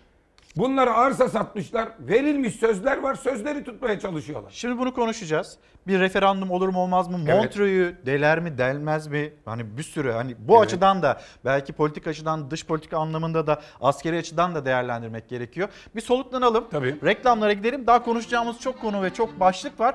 Reklamlardan sonra yine burada buluşalım. Efendim devam ediyoruz. Korkusuz gazetesi, Korkusuz gazetesindeki önce önce bir manşete bakalım. Yıllarca oku, üniversite bitir, sonra da işsiz kal. İş bulma umuduyla okuyan gençlerin sonu hep hüsran. 2019 Ekim'de genç işsiz sayısı %25 artarak 1 milyon 290 bine yükseldi.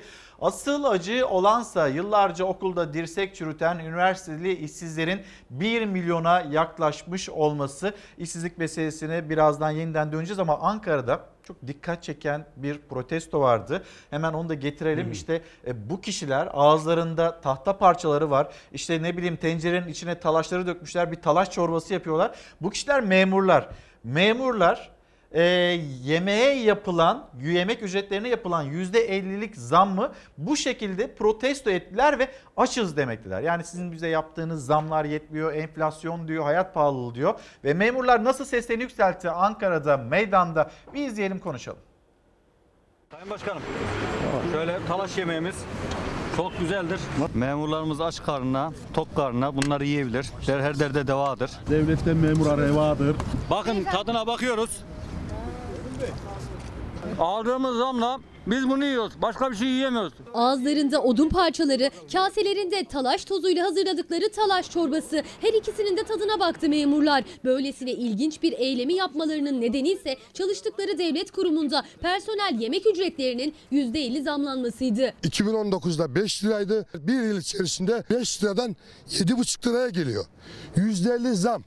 Nerede memuran %50 ne verdin de şimdi istiyorsun? Memurlara 2020 yılında %4 artı 4 zam yapıldı. Ankara'da vergi dairelerinde memurun yediği yemeğin fiyatı ise son bir yılda %50 arttı. Birleşik Kamu İş Konfederasyonu'na bağlı Biro İş Sendikası üyeleri Ulus Heykel önünde toplandı. Hazine ve Maliye Bakanı müjde veriyor çalışanlara. Mobilyanın KDV'sini diyor %18'den 8'e indirdik. Ya arkadaş bu millet talaş mı yiyor, mobilya mı sömürüyor? Milletin derdi mobilya değil. Yemektir, barınmadır, ısınmadır. Mobilyadaki KDV indiriminden yola çıkarak memur maaşlarına yapılan zammı hatırlatarak dikkat çekici bir eyleme imza attılar. Et niyetine yiyoruz onu da. Çünkü e, memur et yüzü göremediği için, e, kasaba gidemediği için odun yemek zorunda kalıyoruz. Armağan Ulaş Aslan kamuda tam 14 yıldır aşçılık yapıyor. Bugüne kadar bin bir çeşit yemek pişirdi ama en ilgincini bugün hazırladı arkadaşları için. Bildiğiniz talaş tozu ve odun parçalarıyla hazırladı. Pirzola et niyeti Bu maalesef. Pirzola eti yiyelim. Pirzola niyeti bir küfür bakalım. Vallahi dişim kırılacak. İndirim yapacaksan doğalgazın, elektriğin, KDV'sine indirim yap da görelim. Seslerini duyurmak için hazırladıkları hatta tattıkları talaşlı odun parçalı yemekleriyle maaşlarında iyileştirme, yemek ücretlerine yapılan zammınsa geri çekilmesini istedi memurlar. Memurlar biz mobilya mı yiyeceğiz diyor. Bir de asgari ücretliler var. Biraz bahsettik, söz ettik. Onun haberi de hazır. Ekranlarına da getirelim izleyicilerimizin. 75 liraya jest dediği Milli Gazete'nin ilk sayfasında yer alan bir haber. Aile, Çalışma ve Sosyal Hizmetler Bakanı Zehra Zümrü Selçuk geçtiğimiz sene asgari ücret desteğinin 2019 yılı için son kez verildiğini açıklamamıza rağmen bu sene zam oranının enflasyon oranının altında kalmaması için 2020 yılı içinde 75 liralık asgari ücret desteği vereceğiz. Asgari ücret desteği işçiye jestimizdir dedi. Yani şimdi bu toplu görüşme masasına oturulduğunda yani tabii ki asgari ücret önemli, kıymetli, insanların geçinmesi kıymetli ama istihdamı da düşünmek lazım dedi. Yani masaya otururken istihdam cümlesi İşsizlikle kurulduğunda yani işsizliği de aslında işçinin önüne koyduğunuzda o asgari ücret masasından çok fazla bir şey beklememek gerektiğini de anlamıştık. İşte 2578 lira sendikaların kırmızı çizgisiydi. E, 2324 lira seviyesinde gerçekleşti. Bu e, açıklanan acaba e, jestli bir e, asgari ücret miydi ki Cumhurbaşkanı Erdoğan açıklaması vardı. Her şey dahil jestli 2324 lira olarak ortaya çıktı. Ama bir de 75 liralık jest yapılmış. O jest de işçiye yapılmış gibi söyleniyor İşverene. ama işverene yapılıyor. O da az önce siz de söylediniz işçinin kumbarasından yani işsizlik fonundan yapılıyor. Ben burada bir jest ben burada yani bizim beklentimizin çok altında. İşverene verilen teşviklerin 100 liralık teşviğin 2019 yılı sonu itibariyle bitirileceği söylenmişti. 75 lira olarak yeniden devam ediyor. Bunun bir jest olduğu ifade edildi. Bu işverene yapılan bir katkı, destek. 75 liralık asgari ücret desteği vereceğiz. Asgari ücret desteği işçiye jestimizdi. İşverene ödediği desteği jest olarak yorumladı ama yine de işçiye jest yapıldığını söyledi Çalışma Bakanı Zehra Zümrüt Selçuk. Asgari ücret belirlenmeden önce patlak veren jest tartışması yeniden alevlendi. Sendikalar bir kez daha işçinin değil patronun memnun edildiğine dikkat çekti. Burada bir jest mes ben burada yani bizim beklentimizin çok altında. Geldikleri noktayı görelim. İnşallah jestimizi yaparız. Memnun edecek adımı atarız. Cumhurbaşkanı Erdoğan'ın asgari ücret pazarlığı devam ederken kurduğu jestimizi yaparız cümlesine tepki göstermişti işçi sendikaları. Asgari ücret taleplerin çok altında kaldı. Jest neredeydi sorusu ise günler sonra yanıt buldu. Çalışma Bakanı Selçuk asgari ücret desteğine devam edileceğini hatırlattı. İstanbul'daki programında Fox Haber bu işverene mi işçiye mi jest sorusunu sormak istedi ama bakan yanıtsız bıraktı. Sayın Hükümetle pazarlık masasına oturan Türk İş'te bir diğer işçi sendikası DİSK de işverene verilen desteğin işçiye jest gibi gösterilmesine tepki gösterdi. Kamuoyunun beklentisi o değildi. Benim de beklentim o değildi. İşçinin de beklentisi o değildi. Günlük 10 liralık bir artışla asgari ücretin belirlenmesi gerçekten kabul edilemez. Biz de hakkımız olanı almak için mücadele etmeye devam edeceğiz. Özgür Bey gelen mesajlara bakıyorum. E, Herkes hayat pahalılığından, işsizlikten, işte bunlardan bahsediyor. Bizim gündemimizde de başka bir konu yok diyor. E, ama dönüp baktığımızda büyük büyük projeleri konuşuyoruz biz. İşte o, o projelerden bir tanesi Kanal İstanbul. Bir tarafta memurlar, işte Ankara'da e, talaş çorbası yapıyorlar. Diğer tarafta işte asgari ücretler biz geçinemiyoruz diyor. Hepsinin karşısında 75 milyar liralık ya da 100 milyar lirayı da aşabileceği söylenen bir Kanal İstanbul. Burada ciddi bir tezat yok mu? Ciddi bir tezat var. Bir hatırlamaya ihtiyaç var. Adalet ve Kalkınma Partisi gelmeden hemen önce bir üçlü koalisyon hükümeti vardı. Bu üçlü koalisyon hükümeti birçok güçlüğü yaşadı tabii. Öncelikle İstanbul depremini yaşadı, büyük bir ekonomik kriz yaşadı. O ekonomik krizin bir sembolü vardı.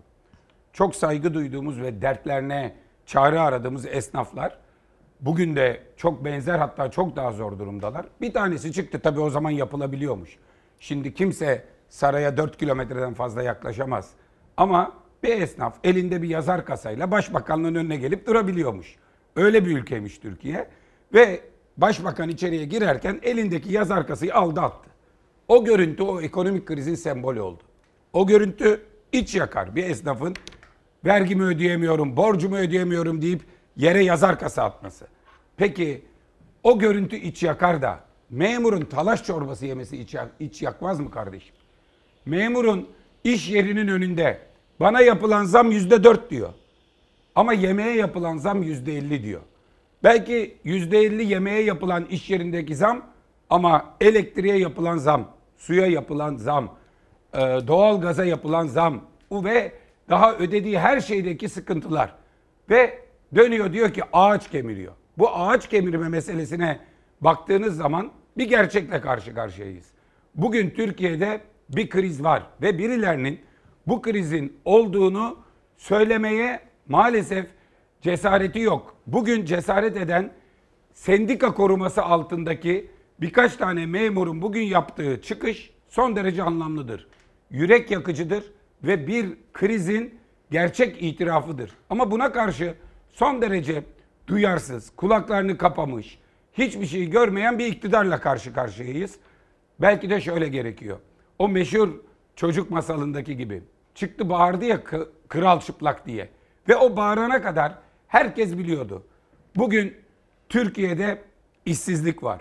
Bugün Türkiye'de yoksulluk var. Bugün Türkiye'de insanların barınma sorunları var. Bugün Türkiye'de insanların çocuklarının geleceği açısından sorunları var. 15 Temmuz darbesinden sonra işinden edilmiş, 15 Temmuz darbesinden sonra o halle alınıp suçlanmış, daha sonra aklanmış ama görevine iade edilmemiş insanlar var. Ve bunlara Bu insanlar ilk başta görevlerinden alındığında ellerinden sağlık karneleri, maaşları, bütün güvenceleri alındığında sorulmuştu. Bunlar ne yapacaklar? Bunlar ağaç kökü mü yiyecekler diye.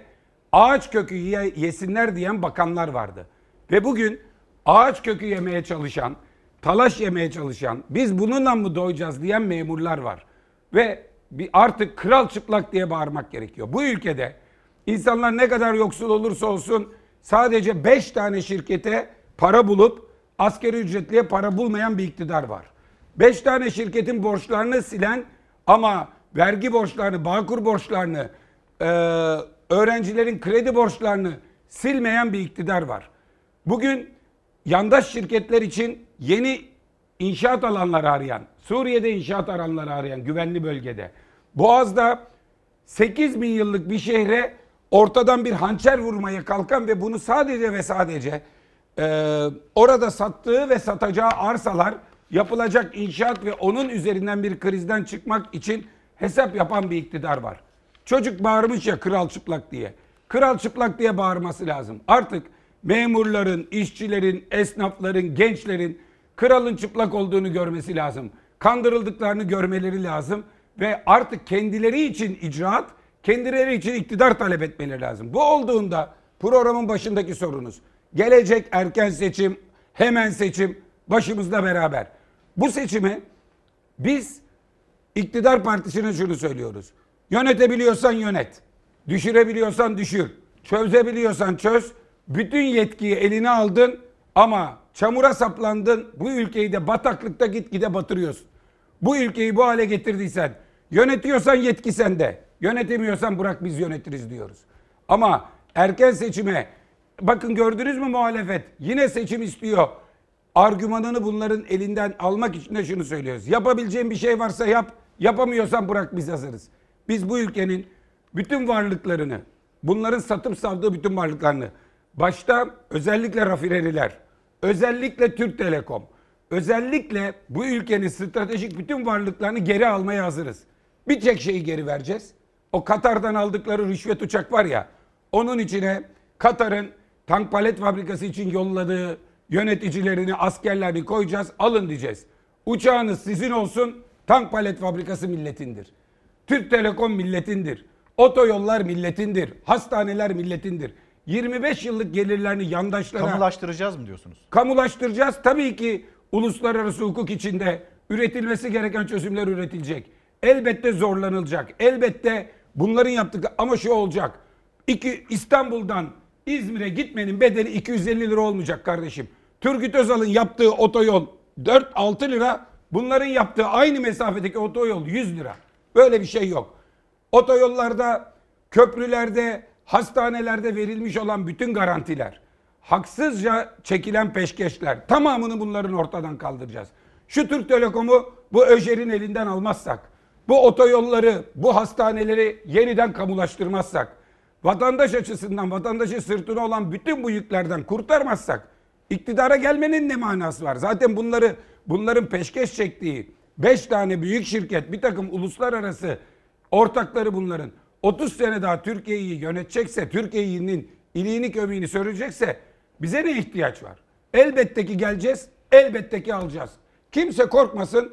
Korkacak bir tek şey var. Bu saray rejiminin asalakları var ya, milletin burasından kanını emen asalakları. Bir tek onlar korksun. Nasıl İstanbul'a gelirken dedik ki korkmayın her şey çok güzel olacak. Türkiye'de de her şey çok güzel olacak. İstanbul'da nasıl israf bitti? Her gün nasıl birilerine çekilen peşkeşler ortaya çıkıyorsa bin katı Türkiye'de var. Bu milleti hepsinden kurtaracağız. Şimdi Kanal İstanbul Montreux'u deler mi delmez mi bu tartışmalar da devam ediyor. E, Cumhurbaşkanı Erdoğan Montreux'u kafaya takmayın e, gibi bir cümle de kurdu. Siz nasıl ele alıyorsunuz? Montreux hani bu Kanal İstanbul yapılırsa Montreux'u kafaya takmayın diyebileceğimiz bir durumda karşı karşıya mı kalacağız? Bir kere bu Montreux'e düşmandı Recep Tayyip Erdoğan.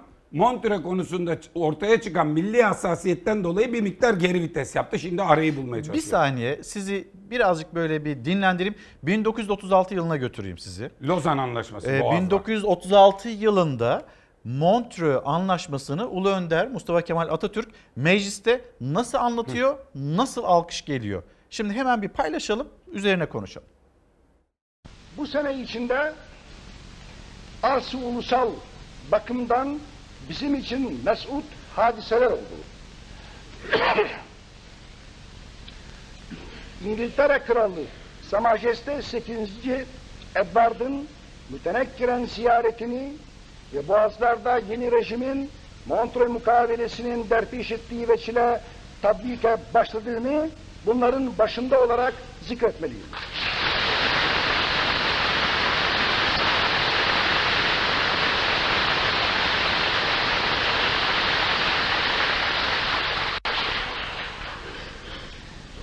Bu münasebetle karada ve denizde büyük komşumuz Sovyet Rusya ile aramızdaki 15 senelik 15 seneden beri her türlü tecrübeden geçmiş olan dostluğun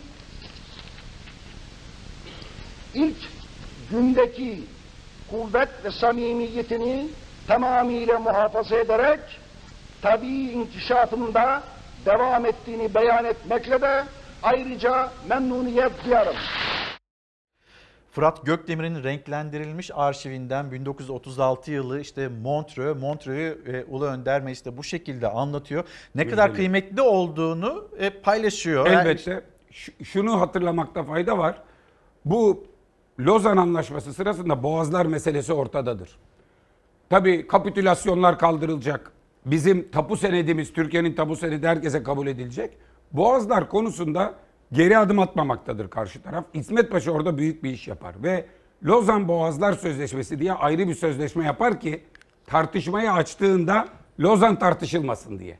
Ve 1938 Montreux Sözleşmesi'ne doğru 1936 Montreux Sözleşmesi'ne gidildiğinde Lozan Boğazlar Sözleşmesi Montreux Sözleşmesi'ne çevrilir ve Türkiye'nin boğazlar üzerindeki egemenlik hakları tanınır.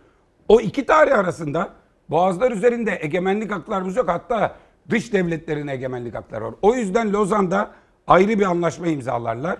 Bugün gelinen noktada Türkiye'nin boğazlarla ilgili biz ayrı bir kanal yapacağız. Herkesi oradan geçmeye zorlayacağız. Bunun uluslararası hukuk açısından mümkün olmadığı ortada. Boğazlardan bedava gitmiyorlar. Altın frank üzerinden yapılmış Montreux'de bir anlaşma var. Daha sonra bu dolara çevrildi ama bunun yenilenmesi gerekiyor. Doların altın karşısındaki değer kaybı üzerinden 5 yılda bir de yeni fiyatlandırma sistemi lazım. 1980'lerden beri bu yapılmıyor. Bunun üzerine gitmek lazım. Türkiye ek tedbirler alabilir ama yaptıkları bu iş 8 bin yıllık bir şehri bir ada, iki yarımada ortasından iki tane deniz geçen şehir böyle bir şey yok. Bu insanlığa karşı suç, doğaya karşı suç, şehre karşı suç. Kaldı ki şöyle de bir şey yok. Siz bir e, ülkede iktidara geleceksiniz.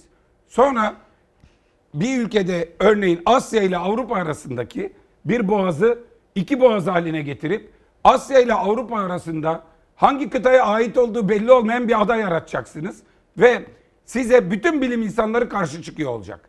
Yapmayın yanlış olur. Bu şehre karşı, doğaya karşı ve insanlık tarihine karşı bir ihanettir. Olmaz bu. Napolyon Bonaparte'ın yani dünya Montreux'u- başkenti dediği. Montreux'u e, kafaya takmayın cümlesi. Montreux'u kafaya takmayın cümlesi so- kerameti kendinden menkul. Ne dış politikadan anlayan, ne uluslararası ilişkilerden anlayan, biz yaparız olur diyen bir anlaşma ama Montreux'u bir tek bizim kafaya takmamamız da mesele değil. Karadeniz'e kıyısı olan ülkeler var. Rusya var. Oraya girecek çıkacak olan askeri gemilerle ilgili tonaj üzerinden sınırlamalar, gün üzerinden sınırlamalar var. Montreux'u Montreux'de bir değişiklik yapmak Türkiye Cumhuriyeti'nin tek başına elinde değil ki öyle olsa istediğimiz gibi değiştirelim Montreux'u. Ama Fransa'ya bildireceksin. iki sene önceden yeni bir konferans toplayacaksın. Ve tekrar tartışmaya açacaksın.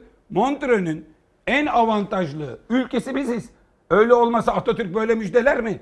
O zaman milletin vekilleri 1936 yılında bu kadar alkış yaparlar mı? Montreux Türkiye'ye müjdedir. Bugün Montreux'u tartışmaya açmak Türkiye'nin uluslararası bu tarihi kazanımını tartışmaya açmaktır. Böyle bir saçmalığa kimsenin alet olmaması lazım. Gelelim şimdi e, yine e, önemli bir konu, önemli bir başlık Doğu Akdeniz. Doğu Akdeniz'de enerji sahaları emperyalist e, güçler tarafından ya da işte o bölgedeki diğer ülkeler tarafından parçalanmış. Sağa sağa ayrılmış kendilerine e, pay biçmekteler. Ama mesela Kuzey Kıbrıs Türk Cumhuriyeti'nden ya da Türkiye'nin Doğu Akdeniz'deki ya da Akdeniz'deki haklarından söz etmeyen bir anlayış var. Bunu engelleyebilmek adına mavi vatan tabirini de bir kez daha hatırlatmış olalım. Libya ile Türkiye bir e, anlaşma, deniz sahası anlaşması imzalandı. Buna bir itiraz yok Cumhuriyet Halk Partisi Yok. tarafından. Ama Libya'nın işte Türkiye'ye bir çağrı yapması, eğer çağrı olursa biz icabet ederiz. Cumhurbaşkanı Erdoğan'ın cümlesi, e, meclisten çıkan Libya'ya asker gönderme tezkeresi. Burada itiraz var. Buradaki itiraz neye? Bunu bir anlatır mısınız bize? şunu çok net olarak ortaya koymak gerekiyor. Birincisi bu anlaşma ortaya çıktığında Sayın Ünal Çeviköz Merkez Yönetim Kurulu'na bilgi verirken dedi ki nihayet Libya ile bir münhasır ekonomik bölge anlaşması yaptılar dedi. Sayın Genel Başkan da Bu nihayet, Nihayet çok- gerekçesi çoktandır- aslında çok önceden yapılması gerekiyordu. Evet, 2009 yılında yapılması gerekiyordu. Şöyle anlatalım. Nihayet dedi çünkü bunların monşerler diplomasisi diye ötekileştirdikleri, kabiliyetlerini, birikimlerini yok saydıkları Türk diplomasisi var ya bunu yıllardır söylüyor.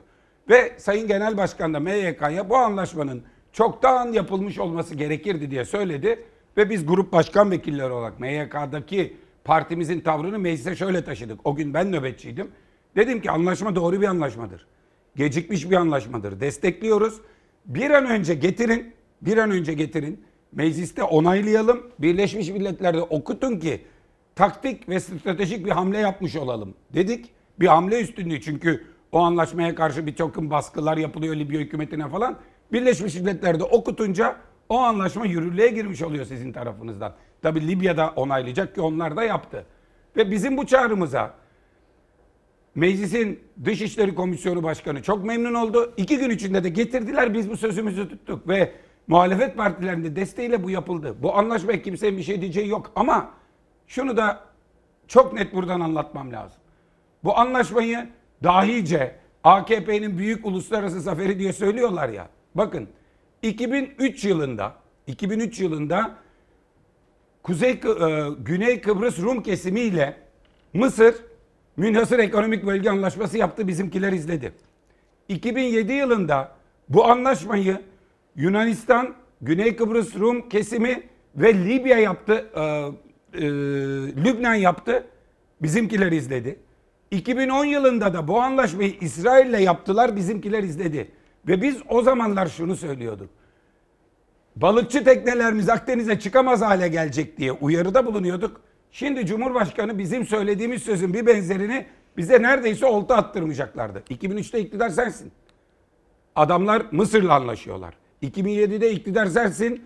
Libya ile Lübnan'la anlaşıyorlar. 2010'da iktidar sensin. İsrail'le anlaşıyorlar ve Yunanistan'dan Güney Kıbrıs üzerinden ta bu üç ülkeye kadar bir hat çekiliyor ve biz kendi karasularımızda hapis kalıyoruz.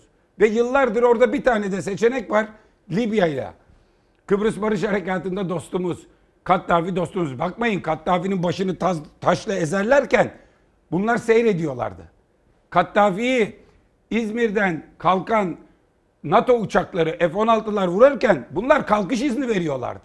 Ve bu yüzden o Kattafi'nin Türkiye'ye yaptıkları Libya ile Türkiye arasındaki o derin dostluğu aslında bunlar Libya çöllerinde Kattafi'nin başını taşla ezenlere destek verirken çiğnediler. Bakmayın şimdi Libya'daki toplanan %12'sini elinde tutan cihatçı işte Müslüman kardeşler. Şimdi burada bir tartışma var. Örgütü üzerinden yürüyorlar. Ee, işte bir tarafta Hafter, diğer tarafta Saraç Ee, ve bunların arasındaki işte bu e, çatışmalar daha da yükseliyor.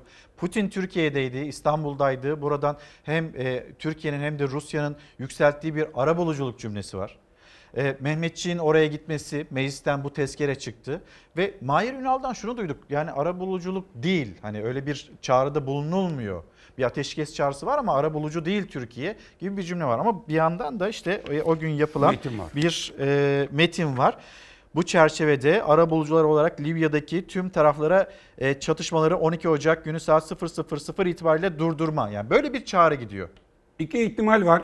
Ya Mahir Ünal bu metni okumadı ve kendi genel başkanının söylediği sözleri bilmiyor. Ya da bu Mahir Ünal hepimizi yine ben ne söylesem nasılsa doğruya yanlışa bakmadan milleti inandırabiliyorum. Çünkü işte bizim televizyon kanalları bizim sö- söylediklerimizi veriyor. Buna dikkat çekmez diye güveniyor. Gerçeği bu kadar saptırıyor. Yalan söylüyor. Ya bir gerçek. Mahir Ünal'ın bunu bilmeme ihtimali var mı? Bence bilmeme ihtimali yok. Bizi salak yerine koyma ihtimali var açık söylemek gerekirse. Çok net bir şey söyleyelim. Cumhuriyet Halk Partisi Libya Anlaşması yapıldığında dedi ki onlar 3 ülkeyle yaparken siz uyudunuz. Bunu yapmalıydınız. Geç kaldınız ama eyvallah destek. Anlaşma sırasında mecliste şu- şunu sorduk. Dedik ki bunun arkasından bir askeri anlaşma gelmesin. Yok mok dediler. Arkadan askeri anlaşma geldi. Sonra asker yollama tezkeresi. Diplomatik zafer. Şimdi muharip olarak gitmeyeceğini söyledi Cumhurbaşkanı Erdoğan. Ee, başka güçler dedi. Onu da söyleyeyim. O da gerçek değil. İlk bize bilgi vermeye geldiğinde Dışişleri Bakanı Mevlüt Çavuşoğlu sorduk ona. Genel Başkanımız sordu ona. O da dedi ve kamuoyuna da yansıdı ki sıcak çatışma ihtimali var dedi. Kamuoyu anketlerinde yüzde 37 çıkınca Libya'ya destek. Vatandaşın yüzde 63'ü kesin karşı olduğunu görünce şimdi çark yapıyorlar. Bu Adalet ve Kalkınma Partisi'nin en önemli özelliğidir. Son bir ayda Cumhurbaşkanı görevini nasıl yapıyor sorusuna destek yüzde 42'ye kadar gerileyince nerede yanlış yaptık deyip şimdi onları telafi etmeye çalışıyorlar. Bal gibi de askeri savaşa yolluyorlardı. Mevlüt Çavuşoğlu kendi ağzıyla çatışmaya girebilir askerimiz çatışma sıcak bölgeye gideceğiz diyordu. Şimdi çatışmayacağız. Eğit bu iyi bir nokta. Buraya farklı gelinmesi iyi. ekipler deniliyor. Kim bu farklı ekipler? Şimdi siz? orası çok tartışmalı. Bir kere meclisten yetki alırken asker bu operasyonun sınırı, kapsamı hepsinin belirtilmesi lazım. Bunu yapmadılar. Cumhurbaşkanına yetki verildi. Bunların söylenmesi lazım. Söylenmiyor farklı ekipler. Kim? Herhalde Özgür Suriye Ordusu. Farklı ekip ne olacak Mehmetçik'ten başka? Diyor ki farklı ekipler. Kim? Sadat diye bir şey vardı. Kendi kendine silahlanan milahlanan günü gelince ordunun polisi koruyamadıklarını koruyacak gibi hazırlanan bir takım sapkın düşünceler vardı. Herhalde bunları söylüyorlar. Net bir şey söyleyelim İlker Bey. Diplomatik masarı masa başındadır. Diplomat kazanır ve o diplomatik başarı savaşı Mehmetçiğin hayatını tehlike etmiyorsa diplomatik başarıdır. Yunanistan ya da Kıbrıs Rum kesimi Mısır'a asker mi yolladı? Rejim muhafızı mı yolladı? İsrail'e asker mi yolladı da anlaşmayı yaptı? Bunlar anlaşmayı şöyle yapmışlar. Sallantıda bir rejim var. Düştü düşecek Trablusgarp'ta. Saraca diyorlar ki kardeşim 17 yıldır biz anlaşmayı yapacak kimseyi bulamadık. Herkes onların dostu. Katar bile burada bizimle birlikte Katar İstanbul yapıyor. Doğu Akdeniz'de Yunanistan'ı destekliyor. Birlikte e, petrol arıyorlar. Bütün herkes bunların yanında. Bizimkiler diyor ki sallantıda olan bir hükümete bak. Ben sana asker yollayayım karşılığında şu imzayı at demişler. Bizimkiler imzayı atmış. Mehmetçiği rejim muhafızı olarak yolluyorlar. Hangi rejim? Trablusgarp rejimine. Biz dedik ki yapmayın. Saraç'la Hafter'in arasına girilmez. Net söylüyoruz. Biz ne Saraç'tan yana oluruz ne Hafter'den yana oluruz. Biz diplomasiden orada barışın sağlanmasından yana olmalıyız. Taraf tutarsanız kaybeden tarafla bir gömülürsünüz. Yarın Hafter kazanırsa siz bu anlaşmayı yaptığınız Saraç hükümetini korumak için asker yolladıysanız veya açık taraf olduysanız Hafter kazanırsa Libya'da kaybeden siz olursunuz. Büyük devletler başka ülkenin iç savaşında kazanan ya da kaybedene göre pozisyon tutmazlar. Veya milli çıkarlarını bu kadar basit şekilde ortaya koymazlar. Sen büyük devletsen Hafter de kazansa kazanacaksın, Saraç da kazansa kazanacaksın. Bir başka konuya geçelim istiyorum. Çok az da süremiz kaldı. FETÖ'yle mücadele, FETÖ'yle etkin bir şekilde mücadele edildiğini düşünüyor musunuz? Şimdi ben Şimdi Devlet Bahçeli tekrar gündeme getirdi. Ben, ben düşünmüyorum da Adalet Bakanı da düşünmüyor artık. Adalet Bakanı'yla Cumhurbaşkanı'nın avukatları arasında ciddi bir kavga var.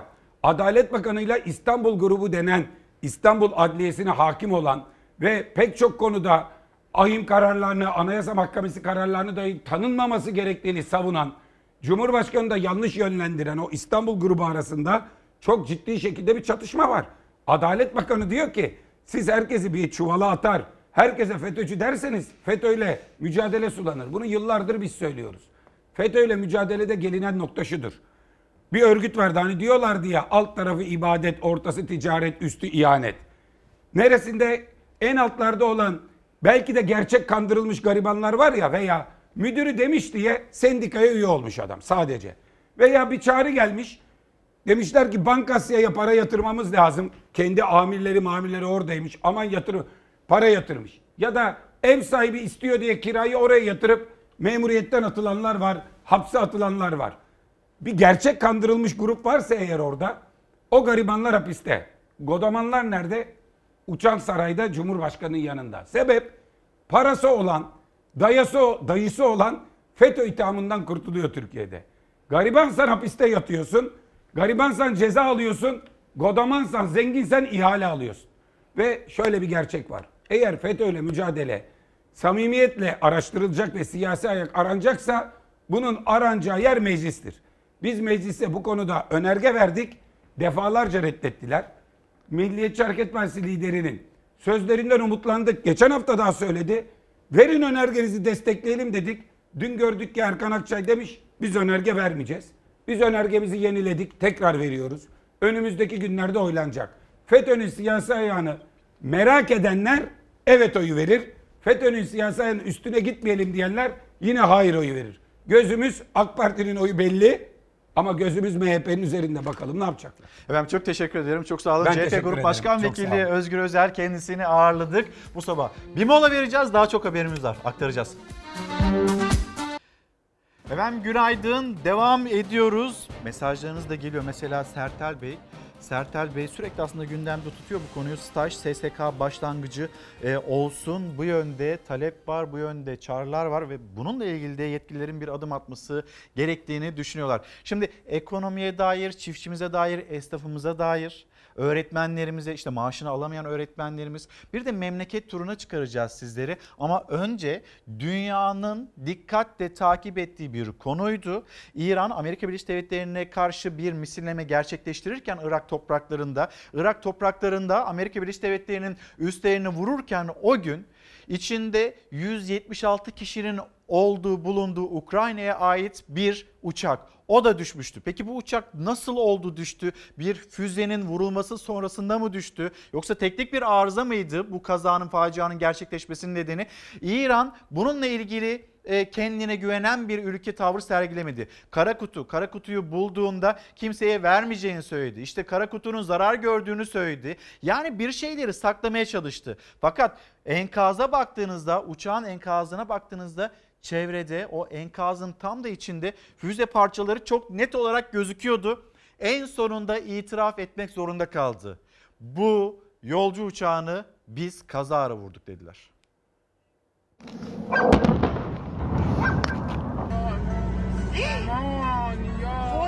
İran itiraf etti. İran Genelkurmay Başkanlığı düşen Ukrayna uçağı için insan hatasıyla yani yanlışlıkla füzeyle vurduk dedi. Ukrayna Hava Yolları'na ait uçak yanlışlıkla füze isabet etmesi sonucu düşmüştür. Dünya günlerdir İran'ın Amerikan üslerine saldırdığı gün Tahran'da düşen Ukrayna Hava Yolları'na ait yolcu uçağını konuşuyordu. Uçaktaki 176 kişiden kurtulan olmamıştı. İran teknik arıza derken uçağın füzeyle düşürüldüğü öne sürüldü. Ortaya uçağın vurulduğu anı gösterdiği iddia edilen bir görüntü de çıktı. O görüntünün yayılmasının ardından Tahran yakınlarındaki araştırma tesisine yerleştirilen Tor M1 hava savunma sisteminin ateşlendiği iddia edildi. Buna kanıt olarak da enkaz alanı yakınlarında bulunduğu belirtilen füze parçaları gösterildi.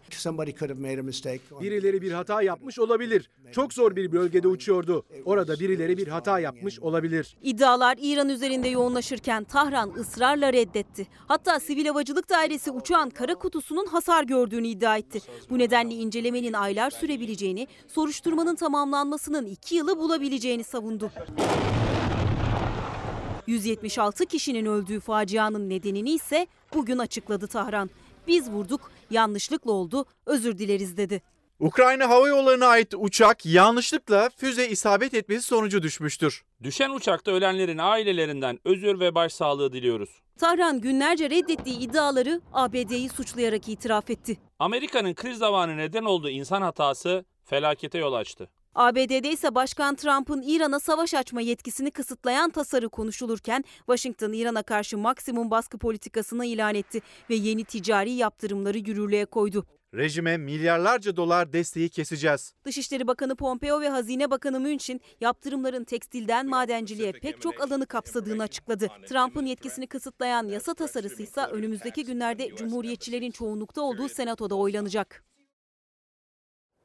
İran sakladı en azından denedi bu kazada parmağı olduğunu gizlemeye çalıştı ama en sonunda da gerçeği kabul etmek zorunda kaldılar. Bütün dünya bunu konuşuyor. Ee, Ukrayna İran'ın uluslararası şartlar içinde bir tazminat ödemesi gerektiğini hatırlatıyor ve yine İran hani o kara kutuyu vermeyeceğim diyen İran şimdi kara kutuyu Fransa'ya gönderme kararı aldı. Yani burada yapılan hatayı kabul etti. Burada faciaya neden olduğunu, 176 kişinin yaşamını yitirmesine neden olduğunu kabul etti. Şimdi kara kutu Fransa'ya gidecek ve Amerika Birleşik Devletleri de gelişmeleri takip edeceğiz. Eğer İran'ın bu uçağın düşürülmesinde bir payı ya da parmağı varsa e, biz yaptırım uygulamayı sürdüreceğiz. Daha ağır yaptırımları uygulayacağız diyordu. İşte Dışişleri Bakanı Mike Pompeo açıkladı. Maksimum yaptırım aşamasına geçiyor e, Amerika Birleşik Devletleri İran'a yönelik olarak. Günaydın diyen izleyicilerimizden bir tanesi Beyhan Hanım. Beyhan Gün, günaydınlar. Sinan Sözmen çok teşekkür ederiz sağ olun. E, dün 10 Ocak Çalışan Gazeteciler Günü'ydü ve bizim e, günümüzü kutlayan izleyicilerimiz arasında çok sağ olsun. Çok naziksiniz. Hemen bir kez daha bir dışarıyı göstereyim sizlere. İstanbul'a yeni gün nasıl başlıyor? Türkiye için, İstanbul için. Önce bir İstanbul'u paylaşalım. Masmavi bir gökyüzü ve masmavi bir deniz. Bugün 11 Ocak 2020 günlerden cumartesi ve yeni gün İstanbul için böyle başlıyor. Bir de memlekete bakalım.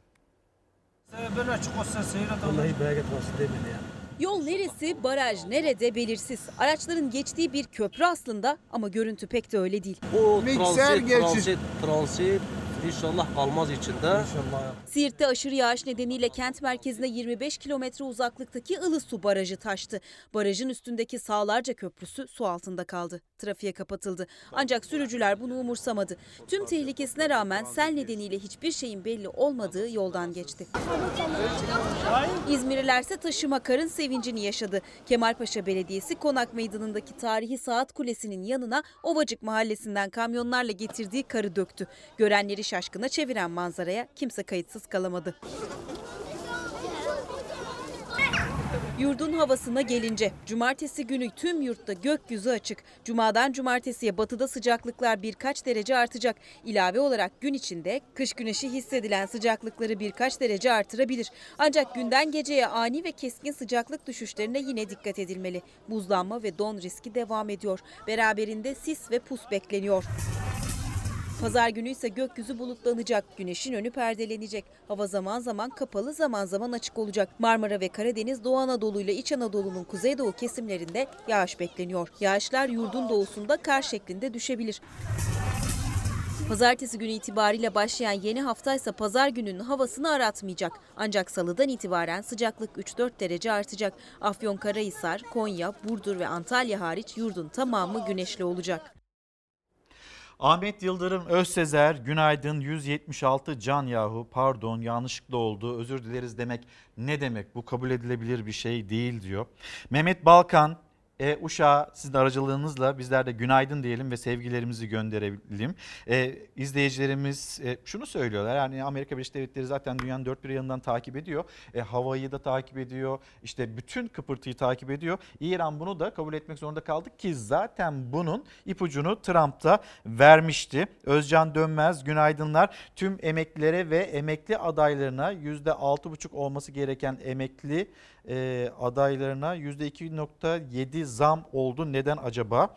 E, bu zam mı aylık mı demek istedi tam anlayamadım onu. Herhalde öyle demek istedi. Ya bu maaşlara yapılan emeklerin maaşlarına yapılan zamlara itiraz var. Neden böyle oluyor? Hayat pahalılığını hatırlatıyor. Kendisi Özcan Dönmez. Şimdi dünyanın akciğerleri, bütün dünya gözyaşları içinde e, burada yani Avustralya'daki yangını izledi. Yağmur yağdı. Yağmur yağınca işte oradaki itfaiyeciler de Avustralya'da işte bu yangına müdahale etmeye çalışanlar onlar da büyük bir sevinci yaşadılar ama kriz bitti mi derseniz galiba bitmedi. Tüm dünyanın endişe içinde izlediği Avustralya yangınlarında mücadele devam ediyor. Hafta başında serinleyen hava bugün yeniden yerini ciddi sıcaklıklara bırakıyor. Avustralya'da yeterince trajedi yaşanırken dünya bir de 10 bin devenin katledileceği haberiyle sarsıldı. Avustralya 100 yılın en sıcak mevsimini yaşarken yangınlar önüne geçilemez boyutlara ulaştı. Milyonlarca hektar alan küle döndü. Ölü sayısı 26'ya çıktı. Yüz milyonlarca hayvan yangınlarda canından oldu. Tüm yaşananların üzerine su kaynaklarını yok ettikleri gerekçesiyle 10 bin devenin vurulacağı bilgisi geldi. Yüz binlerce devenin bulunduğu Avustralya'da hükümet yetkilileri develerin kuraklığa sebep olduğunu ifade etti. Tüm dünyada büyük yankı uyandıran bu karara Türkiye'den de tepki geldi. AK Parti sözcüsü Ömer Çelik sosyal medya hesabında Avustralya hükümetine başka bir çözüm yolu bulmalarını önerdi. Çeşitli sebeplerle aşırı çoğaldığı ve su sorunu yaşandığı gerekçesiyle 10 bin kadar devenin vurularak öldürüleceği haberini endişeyle karşılıyoruz. Avustralya hükümetine farklı bir çözüm bulmalarının gerektiğine dair çağrımızı dile getiriyoruz diyor. Yaşanan dramın gölgesinde hayat devam ediyor, yaralar sarılmaya çalışılıyor. Avustralya'da kurulan sağlık çadırlarında yaralı koalaların tedavi edildiği görüntüleri geldi. Ekonomi haberlerimize devam edeceğiz. Bir bakalım Evrensel Gazetesi manşeti rantı değil bilimi dinleyin. Dün Kanal İstanbul Çalıştayı düzenlendi. Ee, İstanbul Büyükşehir Belediye Başkanı Ekrem İmamoğlu işte bilim dünyasından isimleri ağırladı. Ee, aynı zamanda İyi Parti lideri Meral Akşener, CHP lideri Kemal Kılıçdaroğlu katılan isimler arasındaydı. Cumhurbaşkanı Erdoğan davet edildi. İşte Çevre Bakanı da, Ulaştırma Bakanı da, İstanbul Valisi de onlar da davet edildi ama gelmediler. Vali rahatsız olduğunu söyledi. Ee, diğer isimler de bu çalıştaya katılmadılar ve Evrensel Gazetesi'nin manşeti rantı değil bilimi dinleyin bilim dünyası böyle bir kanalın yapılmasının doğru olmadığını söylemekte demekte. Devam edelim yok artık başlığını atan gazete Akşam Gazetesi İmamoğlu'nun haram ve depremi tetikler diyerek karşı çıktığı Kanal İstanbul konusunda Profesör e, Saydam çıtayı yükseltti. Kanal erkekleri de kısırlaştıracak iddiasını dillendirdi demekte Akşam Gazetesi'nde. Bir bakalım İstanbul Büyükşehir Belediye Başkanı İmamoğlu proje maneviyatı yok edecek haram e, demiş. Ardından bilim insanlarına rağmen kanalın İstanbul depremini tetikleyeceğini iddia etmişti. Şimdi İstanbul'da bir depremi tetikler mi? Celal Şengör Hoca'ya baktığınızda hayır. E, jeolojik olarak böyle bir depremi tetiklemez görüşünde e, Celal Şengör Hoca ama o kanalın etrafına bina yaparsanız, orada bir imar olursa bu en büyük hatalardan bir tanesi de olur. Bunu da söylüyor, onu da ekliyor. Çıta CHP ve İyi Parti'nin düzenlediği Kanal İstanbul Çalıştayı'nda aşıldı. Profesör Cemal Saydam Marmara'da sülfür oksit oluşacak. Bu da erkekliği öldürür. Çinli bilim insanları bu e, bulguya ulaştı. Eğer referandum olursa kısırlaşmak istiyor musunuz diye de sorulsun demekte. CHP'li Ali Şeker de Kanal İstanbul e, hadım edecek diyerek de destek verdi. Akşam gazetesinin manşeti yok artık. Yani bilim dünyası bunu konuşuyor ya da bunu konuşmak istiyoruz. Bizler de e, vatandaş olarak Kanal İstanbul e, bizim için olumlu mu değil mi? E, İstanbul'un geleceği bunu konuşmak istiyoruz. Hatta bir referandumun da gündeme gelmesi mümkün olabilir. Ya ama chat raporu var. 200 tane bilim insanı var. Bilim insanlarından bir tanesi de yani o chatte olumlu rapor e, veren bilim insanlarından bir tanesi de ortaya çıkıp ya biz bunu destekliyoruz çünkü diye devam etmiyor. Cümlesini bu şekilde getirmiyor. Ve biz de şunu söylüyoruz. Biz anlamak istiyoruz. Bize anlatsınlar. Eğer faydalıysa bizler ikna edilmeye açık insanlarız. Faydalıysa, anlamlıysa, Türkiye için bir katkı değer sağlayacaksa tamam yapılsın. Ama bize bunu bir anlatın. Buna bunu bilim insanları anlatsın. Siyasetçiler, siyasetçiler konuşuyor. Siyasetçiler laf üretiyorlar. Mesela işte 75 milyar lira, 100 milyar lira, 110 milyar lira bunlar konuşuluyor. Ama diyor ki mesela emeklisi, işçisi, asgari ücretlisi, memuru tamam da bizim böyle bir bütçemiz var ise ya biz geçinemiyoruz. Geçinemiyoruz. Biz bizi bir anlay anlar mısınız lütfen? Geçinemiyoruz. Bizim için bir şey yapılsın diyor onlar da. Hükümet 2020 yılında harçlara ve vergilere ne kadar zam yaptı? %22.58 değil mi? Alırken %22-58 oran uyguluyorsunuz. Memura ve emekliye ücret artışına geldiğiniz zaman da %4'e mahkum ediyorsunuz. Bu çok adaletli mi? hizmete çağrımızdır. Bu sözleşmeler yenilenmelidir. Eğer bu talep dikkate alınmazsa eylemden başka bir seçeneğimiz yoktur. Enflasyon farkıyla birlikte 2020 yılı için %5,5 zam alacak memur ve emeklileri için toplu sözleşme Ağustos ayında imzalandı. Açıklandı ama konfederasyonlar alanları işaret etti. Toplu sözleşme yenilenmeli diyerek nedeni iğneden ipliğe gelen zamlar ve hissedilen enflasyon. En düşük devlet memuru maaşı 3019 lira, %4 zam gelecek 120 lira. Burada yeniden bir iyileştirmeye ihtiyaç var. Emekçiyi bu anlamda öfkeli hale getirmeyin. Hükümetin 2020 yılı için %4 artı 4, 2021 yılı için %3 artı 3 teklifini kabul etmeyip masadan kalkan memur sende toplu sözleşme şartlarının hissedilen enflasyona göre revize edilmesini söylüyor. Konfederasyonlar iktidara ek gösterge sözünü de hatırlatıyor. Ek gösterge düzenlemesi yapılırsa 80-100 lira gibi bir artış ama emekli durumunda olan arkadaşlarımız da 500-600 liralık bir artış olacak. Emekli ikramiyesinde 20 bin 25 bin lira gibi ilave artış olacak. Bakın bu bir rahatlama sağlayabilir. Bunun üzerinden de gidebiliriz. Bütün kışlık yiyeceğimi köyden getirerek geçiniyorum. Ben daha hatırlamıyorum ki kasaptan et aldığımı bilmiyorum. Büyük şehirlerde yaşamak daha bir farklı. Diske bağlı Birleşik Metal İş illerin 2019 yılı açlık yoksulluk haritasını çıkardı. İstanbul'da sağlıklı beslenmenin maliyeti yani açlık sınırı 2313, Ankara'da 2125 lira. Sağlıklı beslenme maliyetinin en yüksek olduğu il ise 2370 lirayla İzmir. 650 lira ev kirası, 415 lira doğalgaz, 100 lira elektrik, 50 lira 60 lira su. Bundan sonrası ölüm sırrı değil de nedir? Maaşınız ne kadar? 1920 lira. Bir tek oğlum var. Ben oğlumu zor bela okuttum. Ve şu an oğlum işsiz. Türkiye'de milyonlarca emekli diskin araştırmasına göre açlık sınırının altında maaş alıyor. Emekli Sen üyeleri de yeni yılla birlikte gelen maaş zamlarını protesto etti. Eskiden her yıl baş torunuma bir şeyler alırdım. Bu yıl bir şey alamadım diye yüreğim kan ağladı kızım. Dünya Gazetesi, Dünya Gazetesi'nin manşetinde işsizlik rakamları var. 13.4 olarak gerçekleşti. Merkez Bankası enflasyon beklentisi bu ay itibariyle e, açıklanmış da oldu. Merkez Bankası'nın 2020 yılı sonu için beklentisi, enflasyon beklentisi %10.01 seviyesinde gerçekleşecek. Şimdiden böyle bir öngörü. Ama Cumhurbaşkanı Erdoğan'ın geçtiğimiz yıllarda bir açıklaması vardı Merkez Bankası ile ilgili. Bugüne kadar da hedefleri tutturduklarını görmedik demişti Cumhurbaşkanı. Devam edelim Bir Gün Gazetesi ve Bir Gün Gazetesi işte bunu konuşmamız lazım. Bunu anlayabilmemiz lazım bize. E, bununla ilgili ne yapılacak? İstihdam, üretim, fabrikalar bunu bunu konuşmamız lazım. Umudumu kaybettim. Hükümsüzdür. İşsiz, mutsuz ve geleceksiz gençlik. Geçen yılın aynı dönemine göre Ekim'de işsiz sayısı 608 bin kişi artarak 4 milyon 396 bine çıktı. İş gücüne katılan sayısı ise bir ayda 266 bin kişi azaldı. Gençler, gençler geleceklerine dair bir e, umut içinde olmak istiyorlar. Hafta içinde bir tartışma. Cumhurbaşkanı Erdoğan işte gençlerimiz evlenmiyorlar. Gençlerimiz 30 yaşını aştıktan sonra e, evleniyorlar ya da o saatten sonra, o tarihten sonra hiç evlenmiyorlar. Böyle bir eleştiri e, geliştirmişti ve bugün Cumhuriyet Gazetesi'nin de ilk sayfasında işleri olursa evlenecekler. Eğer hayal kurabilirlerse evlenecekler. Eğer işte e, çocukları, çocukları için güzel bir gelecek hazırlayacaklarına inanırsa gençler bu adımı atabilirler. Şimdi bunların hiçbiri konuşulmuyor. Bir kenarda tutuluyor. Mesela işsizlik konuşulmuyor, pahalılık konuşulmuyor.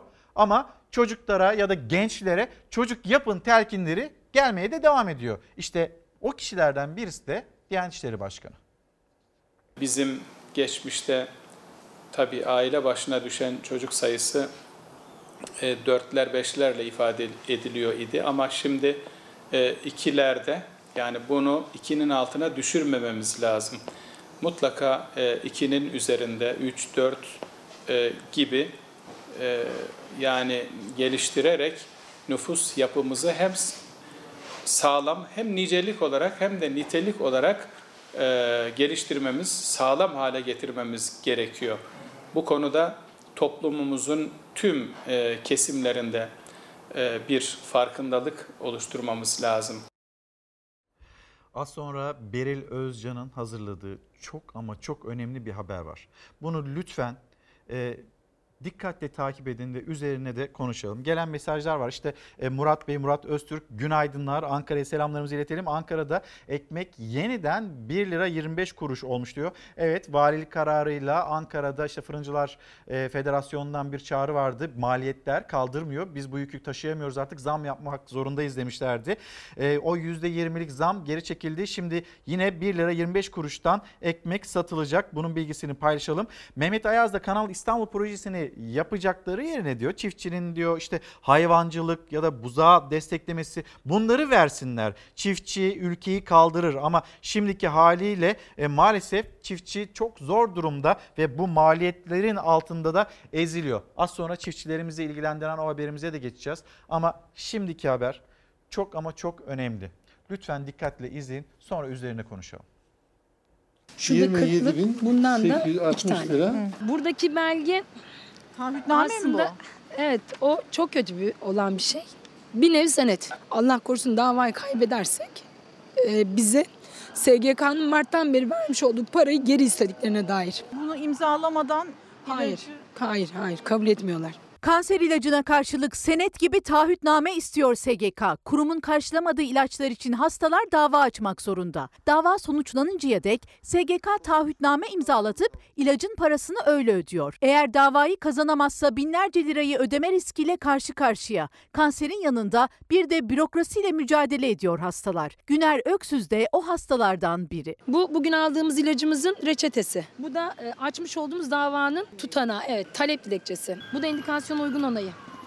Sağlık Bakanlığı Sağlık Bakanlığı'nın Güner Öksüz şu anda Ok Meydanı Eğitim Araştırma Hastanesi Onkoloji bölümünde ilaçlarını alıyor. Eşi Antika Öksüz de dışarıda belgeleri toparlıyor. Bu belgelerden bir tanesi SGK için çok önemli. Bir taahhütname. Eğer aile açtığı davayı kazanamazsa SGK'ya tüm aldığı ilaç paralarını geri vermek zorunda. SGK'nın kendisini garanti alması. Ama vatandaş olarak benim öyle bir garantim yok. 36 yaşında bir çocuk babası Güner Öksüz 3 yıl önce akciğer kanserine yakalandı. SGK'nın karşılamadığı 27.860 liralık bir ilaca yanıt verdi hastalığı. Vücut ilaca cevap vermiş. SGK karşılarsa yani o zaman benim diyorum benimle beraber binlerce hasta yakını var şu an bu ilacı isteyen. Eşi Antika Öksüz 2 yıl önce böyle isyan etmişti. Evlerini satarak yardımlarla aldılar bir süre ilacı ama aynı tür kanser ilacını kullanan bir hastanın SGK'ya ilacın karşılanması için açtığı davayı kazandığını öğrendiler. Kararı emsal gösterip dava açtılar. Sonuçlanana kadar da ilaçların parasını SGK'dan almaya başladılar ama bu çok zorlu bir süreç. Hazırlıklar ilacın vücuda verilmesinden bir gün önce başlıyor. Antika Öksüz her ay olduğu gibi aynı eczaneye geldi.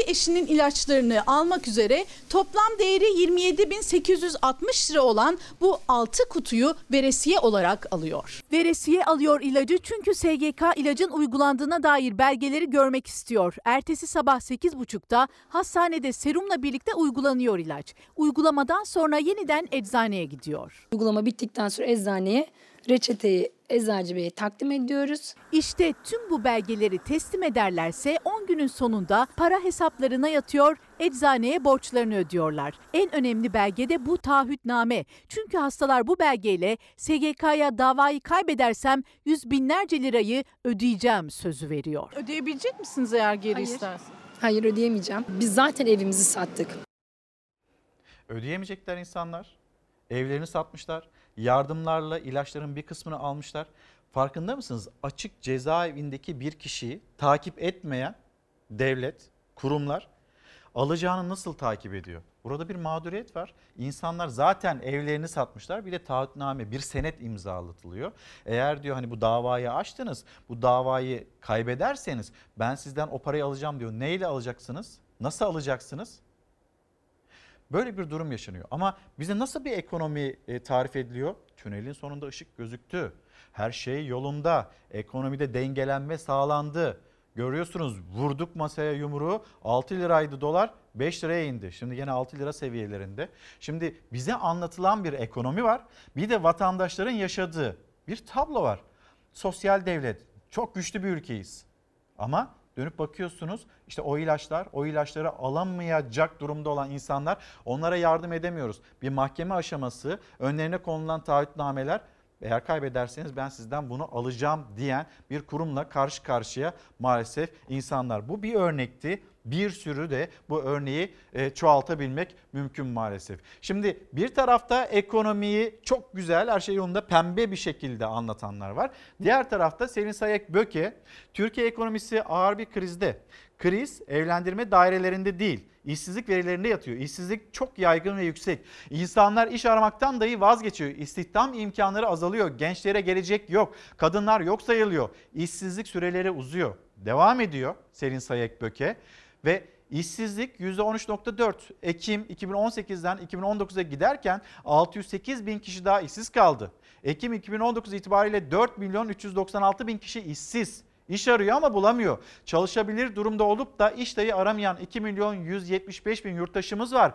Onlar da işsiz deniliyor. Şimdi yeni partilerle ilgili bir tartışma vardı mevcut ekonomi yönetimine eleştiriler getiriyor. Mesela AK Parti'nin içinden çıkacak bir diğer parti Davutoğlu Partisi'ni kurdu Gelecek Partisi. Bir diğer parti Babacan'ın kuracağı parti ve bu partiyle ilgili Cumhurbaşkanı bu partiyi kuranlar var ya onlar faizciydi. 2008'de kriz teğet geçecek demiştim. Onlar o zaman karşı çıkmıştı. IMF'den talimat alıyorlar. Bu cümleyi kurdu Ali Babacan'la ilgili Cumhurbaşkanı Erdoğan ama biliyoruz ki Ali Babacan'ı birkaç ay önce yine AK Parti'ye çağıran hadi e, ekonomi yönetimiyle ilgili de sorumluluk vermeye davet eden kişi yine Cumhurbaşkanı Erdoğan'dı. Onlar yollarını ayırdıklarını ilan ettiler. Partiden ayrıldı Babacan ve sonrasında bu cümleler kuruldu. Peki Ali Babacan faiz meselesine bir de Ali Babacan cephesinden bakalım. Faizlerle ilgili güncel birkaç rakamı paylaşmak isterim. Hani polemiğe girmiyor Babacan. Ben diyor rakamlar üzerinden konuşurum.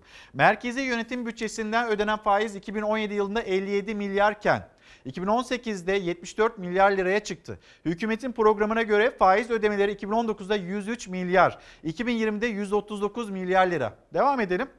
Dikkatinizi çekmek isterim. Devletin vatandaşlarından vergi toplayarak piyasaya ödediği faiz 3 yılda 57 milyardan 139 milyar liraya ulaşıyor. Artış oranı %144. Dahası Türkiye'nin hayat pahalılığı gibi, işsizlik gibi devasa sorunları var. Biz bunları mı konuşacağız yoksa gerçeklerle mi yüzleşeceğiz demekte Ali Babacan. Şu faizler meselesine bir de çiftçinin yaşadıkları üzerinden bakalım.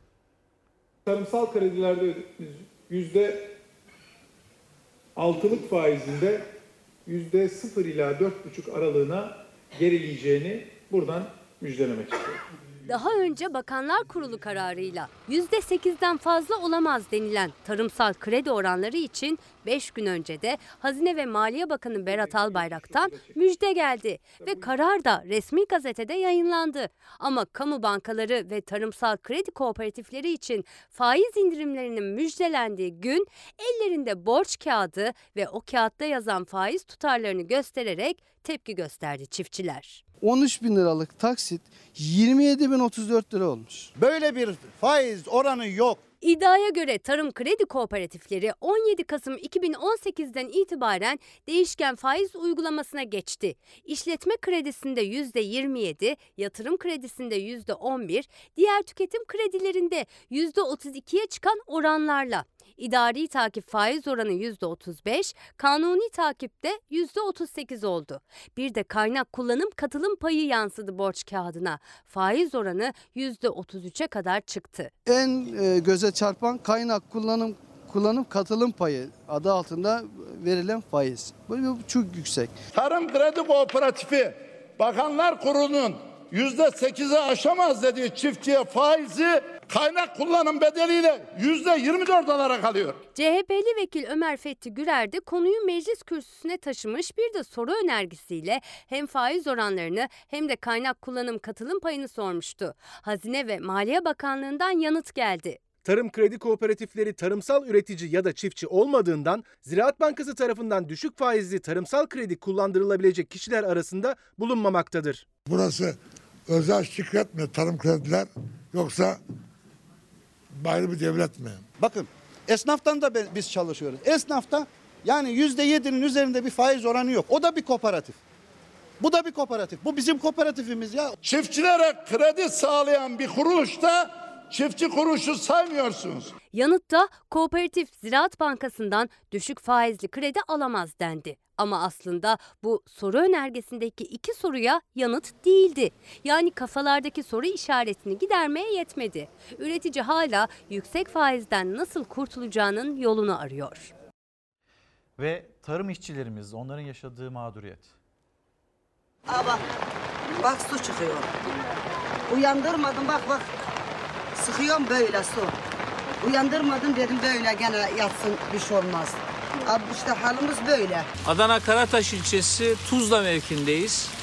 Geçen haftadan bu yana yağmur olağan şiddetiyle devam ediyor. Geçtiğimiz haftalarda tarihinin en büyük sel felaketlerinden birini yaşayan Adana'da yaralar hızla sarılmaya çalışırken yıllardır aynı çileyi çeken tarım işçileri mağdur. Lafın gelişi değil, kelimenin tam anlamıyla suyun içinde yaşıyorlar. Şehir içerisindeki ilçelerdeki evde oluşan zararların bir kısmı karşılandı, tespitler yapıldı. Ama daha önemlisi çiftçilerimizin içinde bulunduğu durum. Çiftçilerin bu zararı karşılanmasının yanında mevcut borçların da ertelenmesi gerekiyor. Bundan daha vahim bir durum olması mümkün değil. Eğer afet deniliyorsa işte burada yaşananlar bir afet. Adana Tuzla'daki çadırlarda yaşayan aileleri CHP Adana Milletvekili Burhanettin Bulut ziyaret etti. Tuzla yolu üzerinde çadırların kurulu olduğu bölgedeyiz. Bu bölgede ırgatlar çalışıyor. Mevsimsel işçiler. Ama gördüğünüz gibi bu yağmura rağmen hala burada yaşam şartları devam ediyor. Merhaba anacığım. Kaç tane çocuk var burada? Bizim evde. Evet, senin Benim evde. çocuklarım 8 tane ayrı. Maşallah. Yaz, kış, hep Yaz kış buradayız. buradasınız. He. Ha. Yağmur çadırları su içinde bırakıyor. Sağdan soldan yakacak bulunursa soba yanıyor. Tek hayalleri duvarlarıyla korunaklı, her yağmurda çökme ihtimali olmayan bir ev. Çalışır dedik bir ev alak belki insan kışın gider rahat eder işte para olmuyor. Külfeti ancak karnımıza yetiyor. Para biriktiremiyorsun. Vallahi biriktiremiyor. Yemin içeren ki bak Tatilde tarlalarda çalışan çocuklar kışın okula gitmek istiyor ama servis yok. Dolmuş parası bulurlarsa okula gidiyorlar. Yoksa evdeler. istediğimiz şey servis. Yaklaşık 40 çadırda yaşayan aileler mültecilere pozitif ayrım yapıldığını, onlara sağlanan imkanların kendilerine sağlanmadığını iddia ediyorlar. Buradaki asıl itiraz Suriyelilere değil. Yok, Suriyeliler değil, bize de. adaletsizliğe. Adaletsizliğe, Eğer ha, yazık. aynı pozisyon Onlara da varsa, yazık. aynı sıkıntılar varsa, aynı çadırda kalınıyorsa, en azından bir yardım geliyorsa bu arasında ayrım yapılmaması. Ve Sümeyye Bebek, onun yaşam mücadelesi. Acıktım değil mi? Dünyaya 540 gram geldi. Yoğun bakımda 125 gün boyunca yaşam mücadelesi verdi. Hayata tutunan Sümeyye bebek yapılan operasyondan sonra görme yetisini de kazandı. Al bakalım, al bakalım, al bakalım. Tamam. Samsun'da Nurgül ve Ömer Koç çiftinin bebekleri henüz 24 haftalıkken dünyaya geldi. 4 ay yoğun bakımda kaldı. Hem ailesi hem de doktorları büyük bir özveriyle onu yaşama tutundurmak için uğraştı. Çok zor oldu. Ama inanın nefes aldığını bilmek bile her gün arayıp 20 gram aldı, işte bugün 40 gram aldı demesileri bile bize çok büyük bir motive oldu. Bu sürede göz muayenesinde erken doğan bebeklerde göz gelişimi tamamlanmadığı için prematüre retinopatisi teşhis edildi. Yani minik Sümeyye'nin görebilmesi için operasyon geçirmesi gerekiyordu. kör olabilir dediklerinde hani Allah'a şükür umudumu hiç kaybetmedim ben. Ee, kızım doğduğunda elimden daha küçüktü. O gününe gördüm. Yoğun bakımdaki tedavisi tamamlanan Sümeyye bebek ameliyat oldu ve körlüğe neden olan hastalığı yendi. Doğru zamanda doğru bebeğe doğru tedavi uygulamak gerekiyor. Lazer tedavisi uygulamayı uygun gördük ve şimdilik gözü sakin e, ve e, bebeğimiz görme seviyesine ulaştı, görmesini sağlıyor. Efendim bir mola verip döneceğiz. Efendim günaydın. Çalar Saat hafta sonuna nokta koyma vakti geldi. Saatler 8.30'u gösterirken karşınızdaydık. Türkiye'nin, dünyanın, sizin ve bizim gündemimizdeki konuları ele aldık. İşte bir misafir ağırladık. Özgür Özel, Özgür Özel e, ile birlikte aslında Cumhuriyet Halk Partisi'nin güncel konularla ilgili, gelişmelerle ilgili düşüncelerini de öğrenme fırsatımız oldu. Bugün için noktalıyoruz. Yarın sabah kimselere randevu vermeyin. Eğer işiniz gücünüz yoksa saatler 8.30'u gösterdiğinde bir kez daha bu ekranda buluşalım isteriz ve kapatırken her zamanki gibi teşekkürümüz sizlere. Bizi izlediğiniz için teşekkür ederiz. Hoşçakalın, güzel bir gün olsun.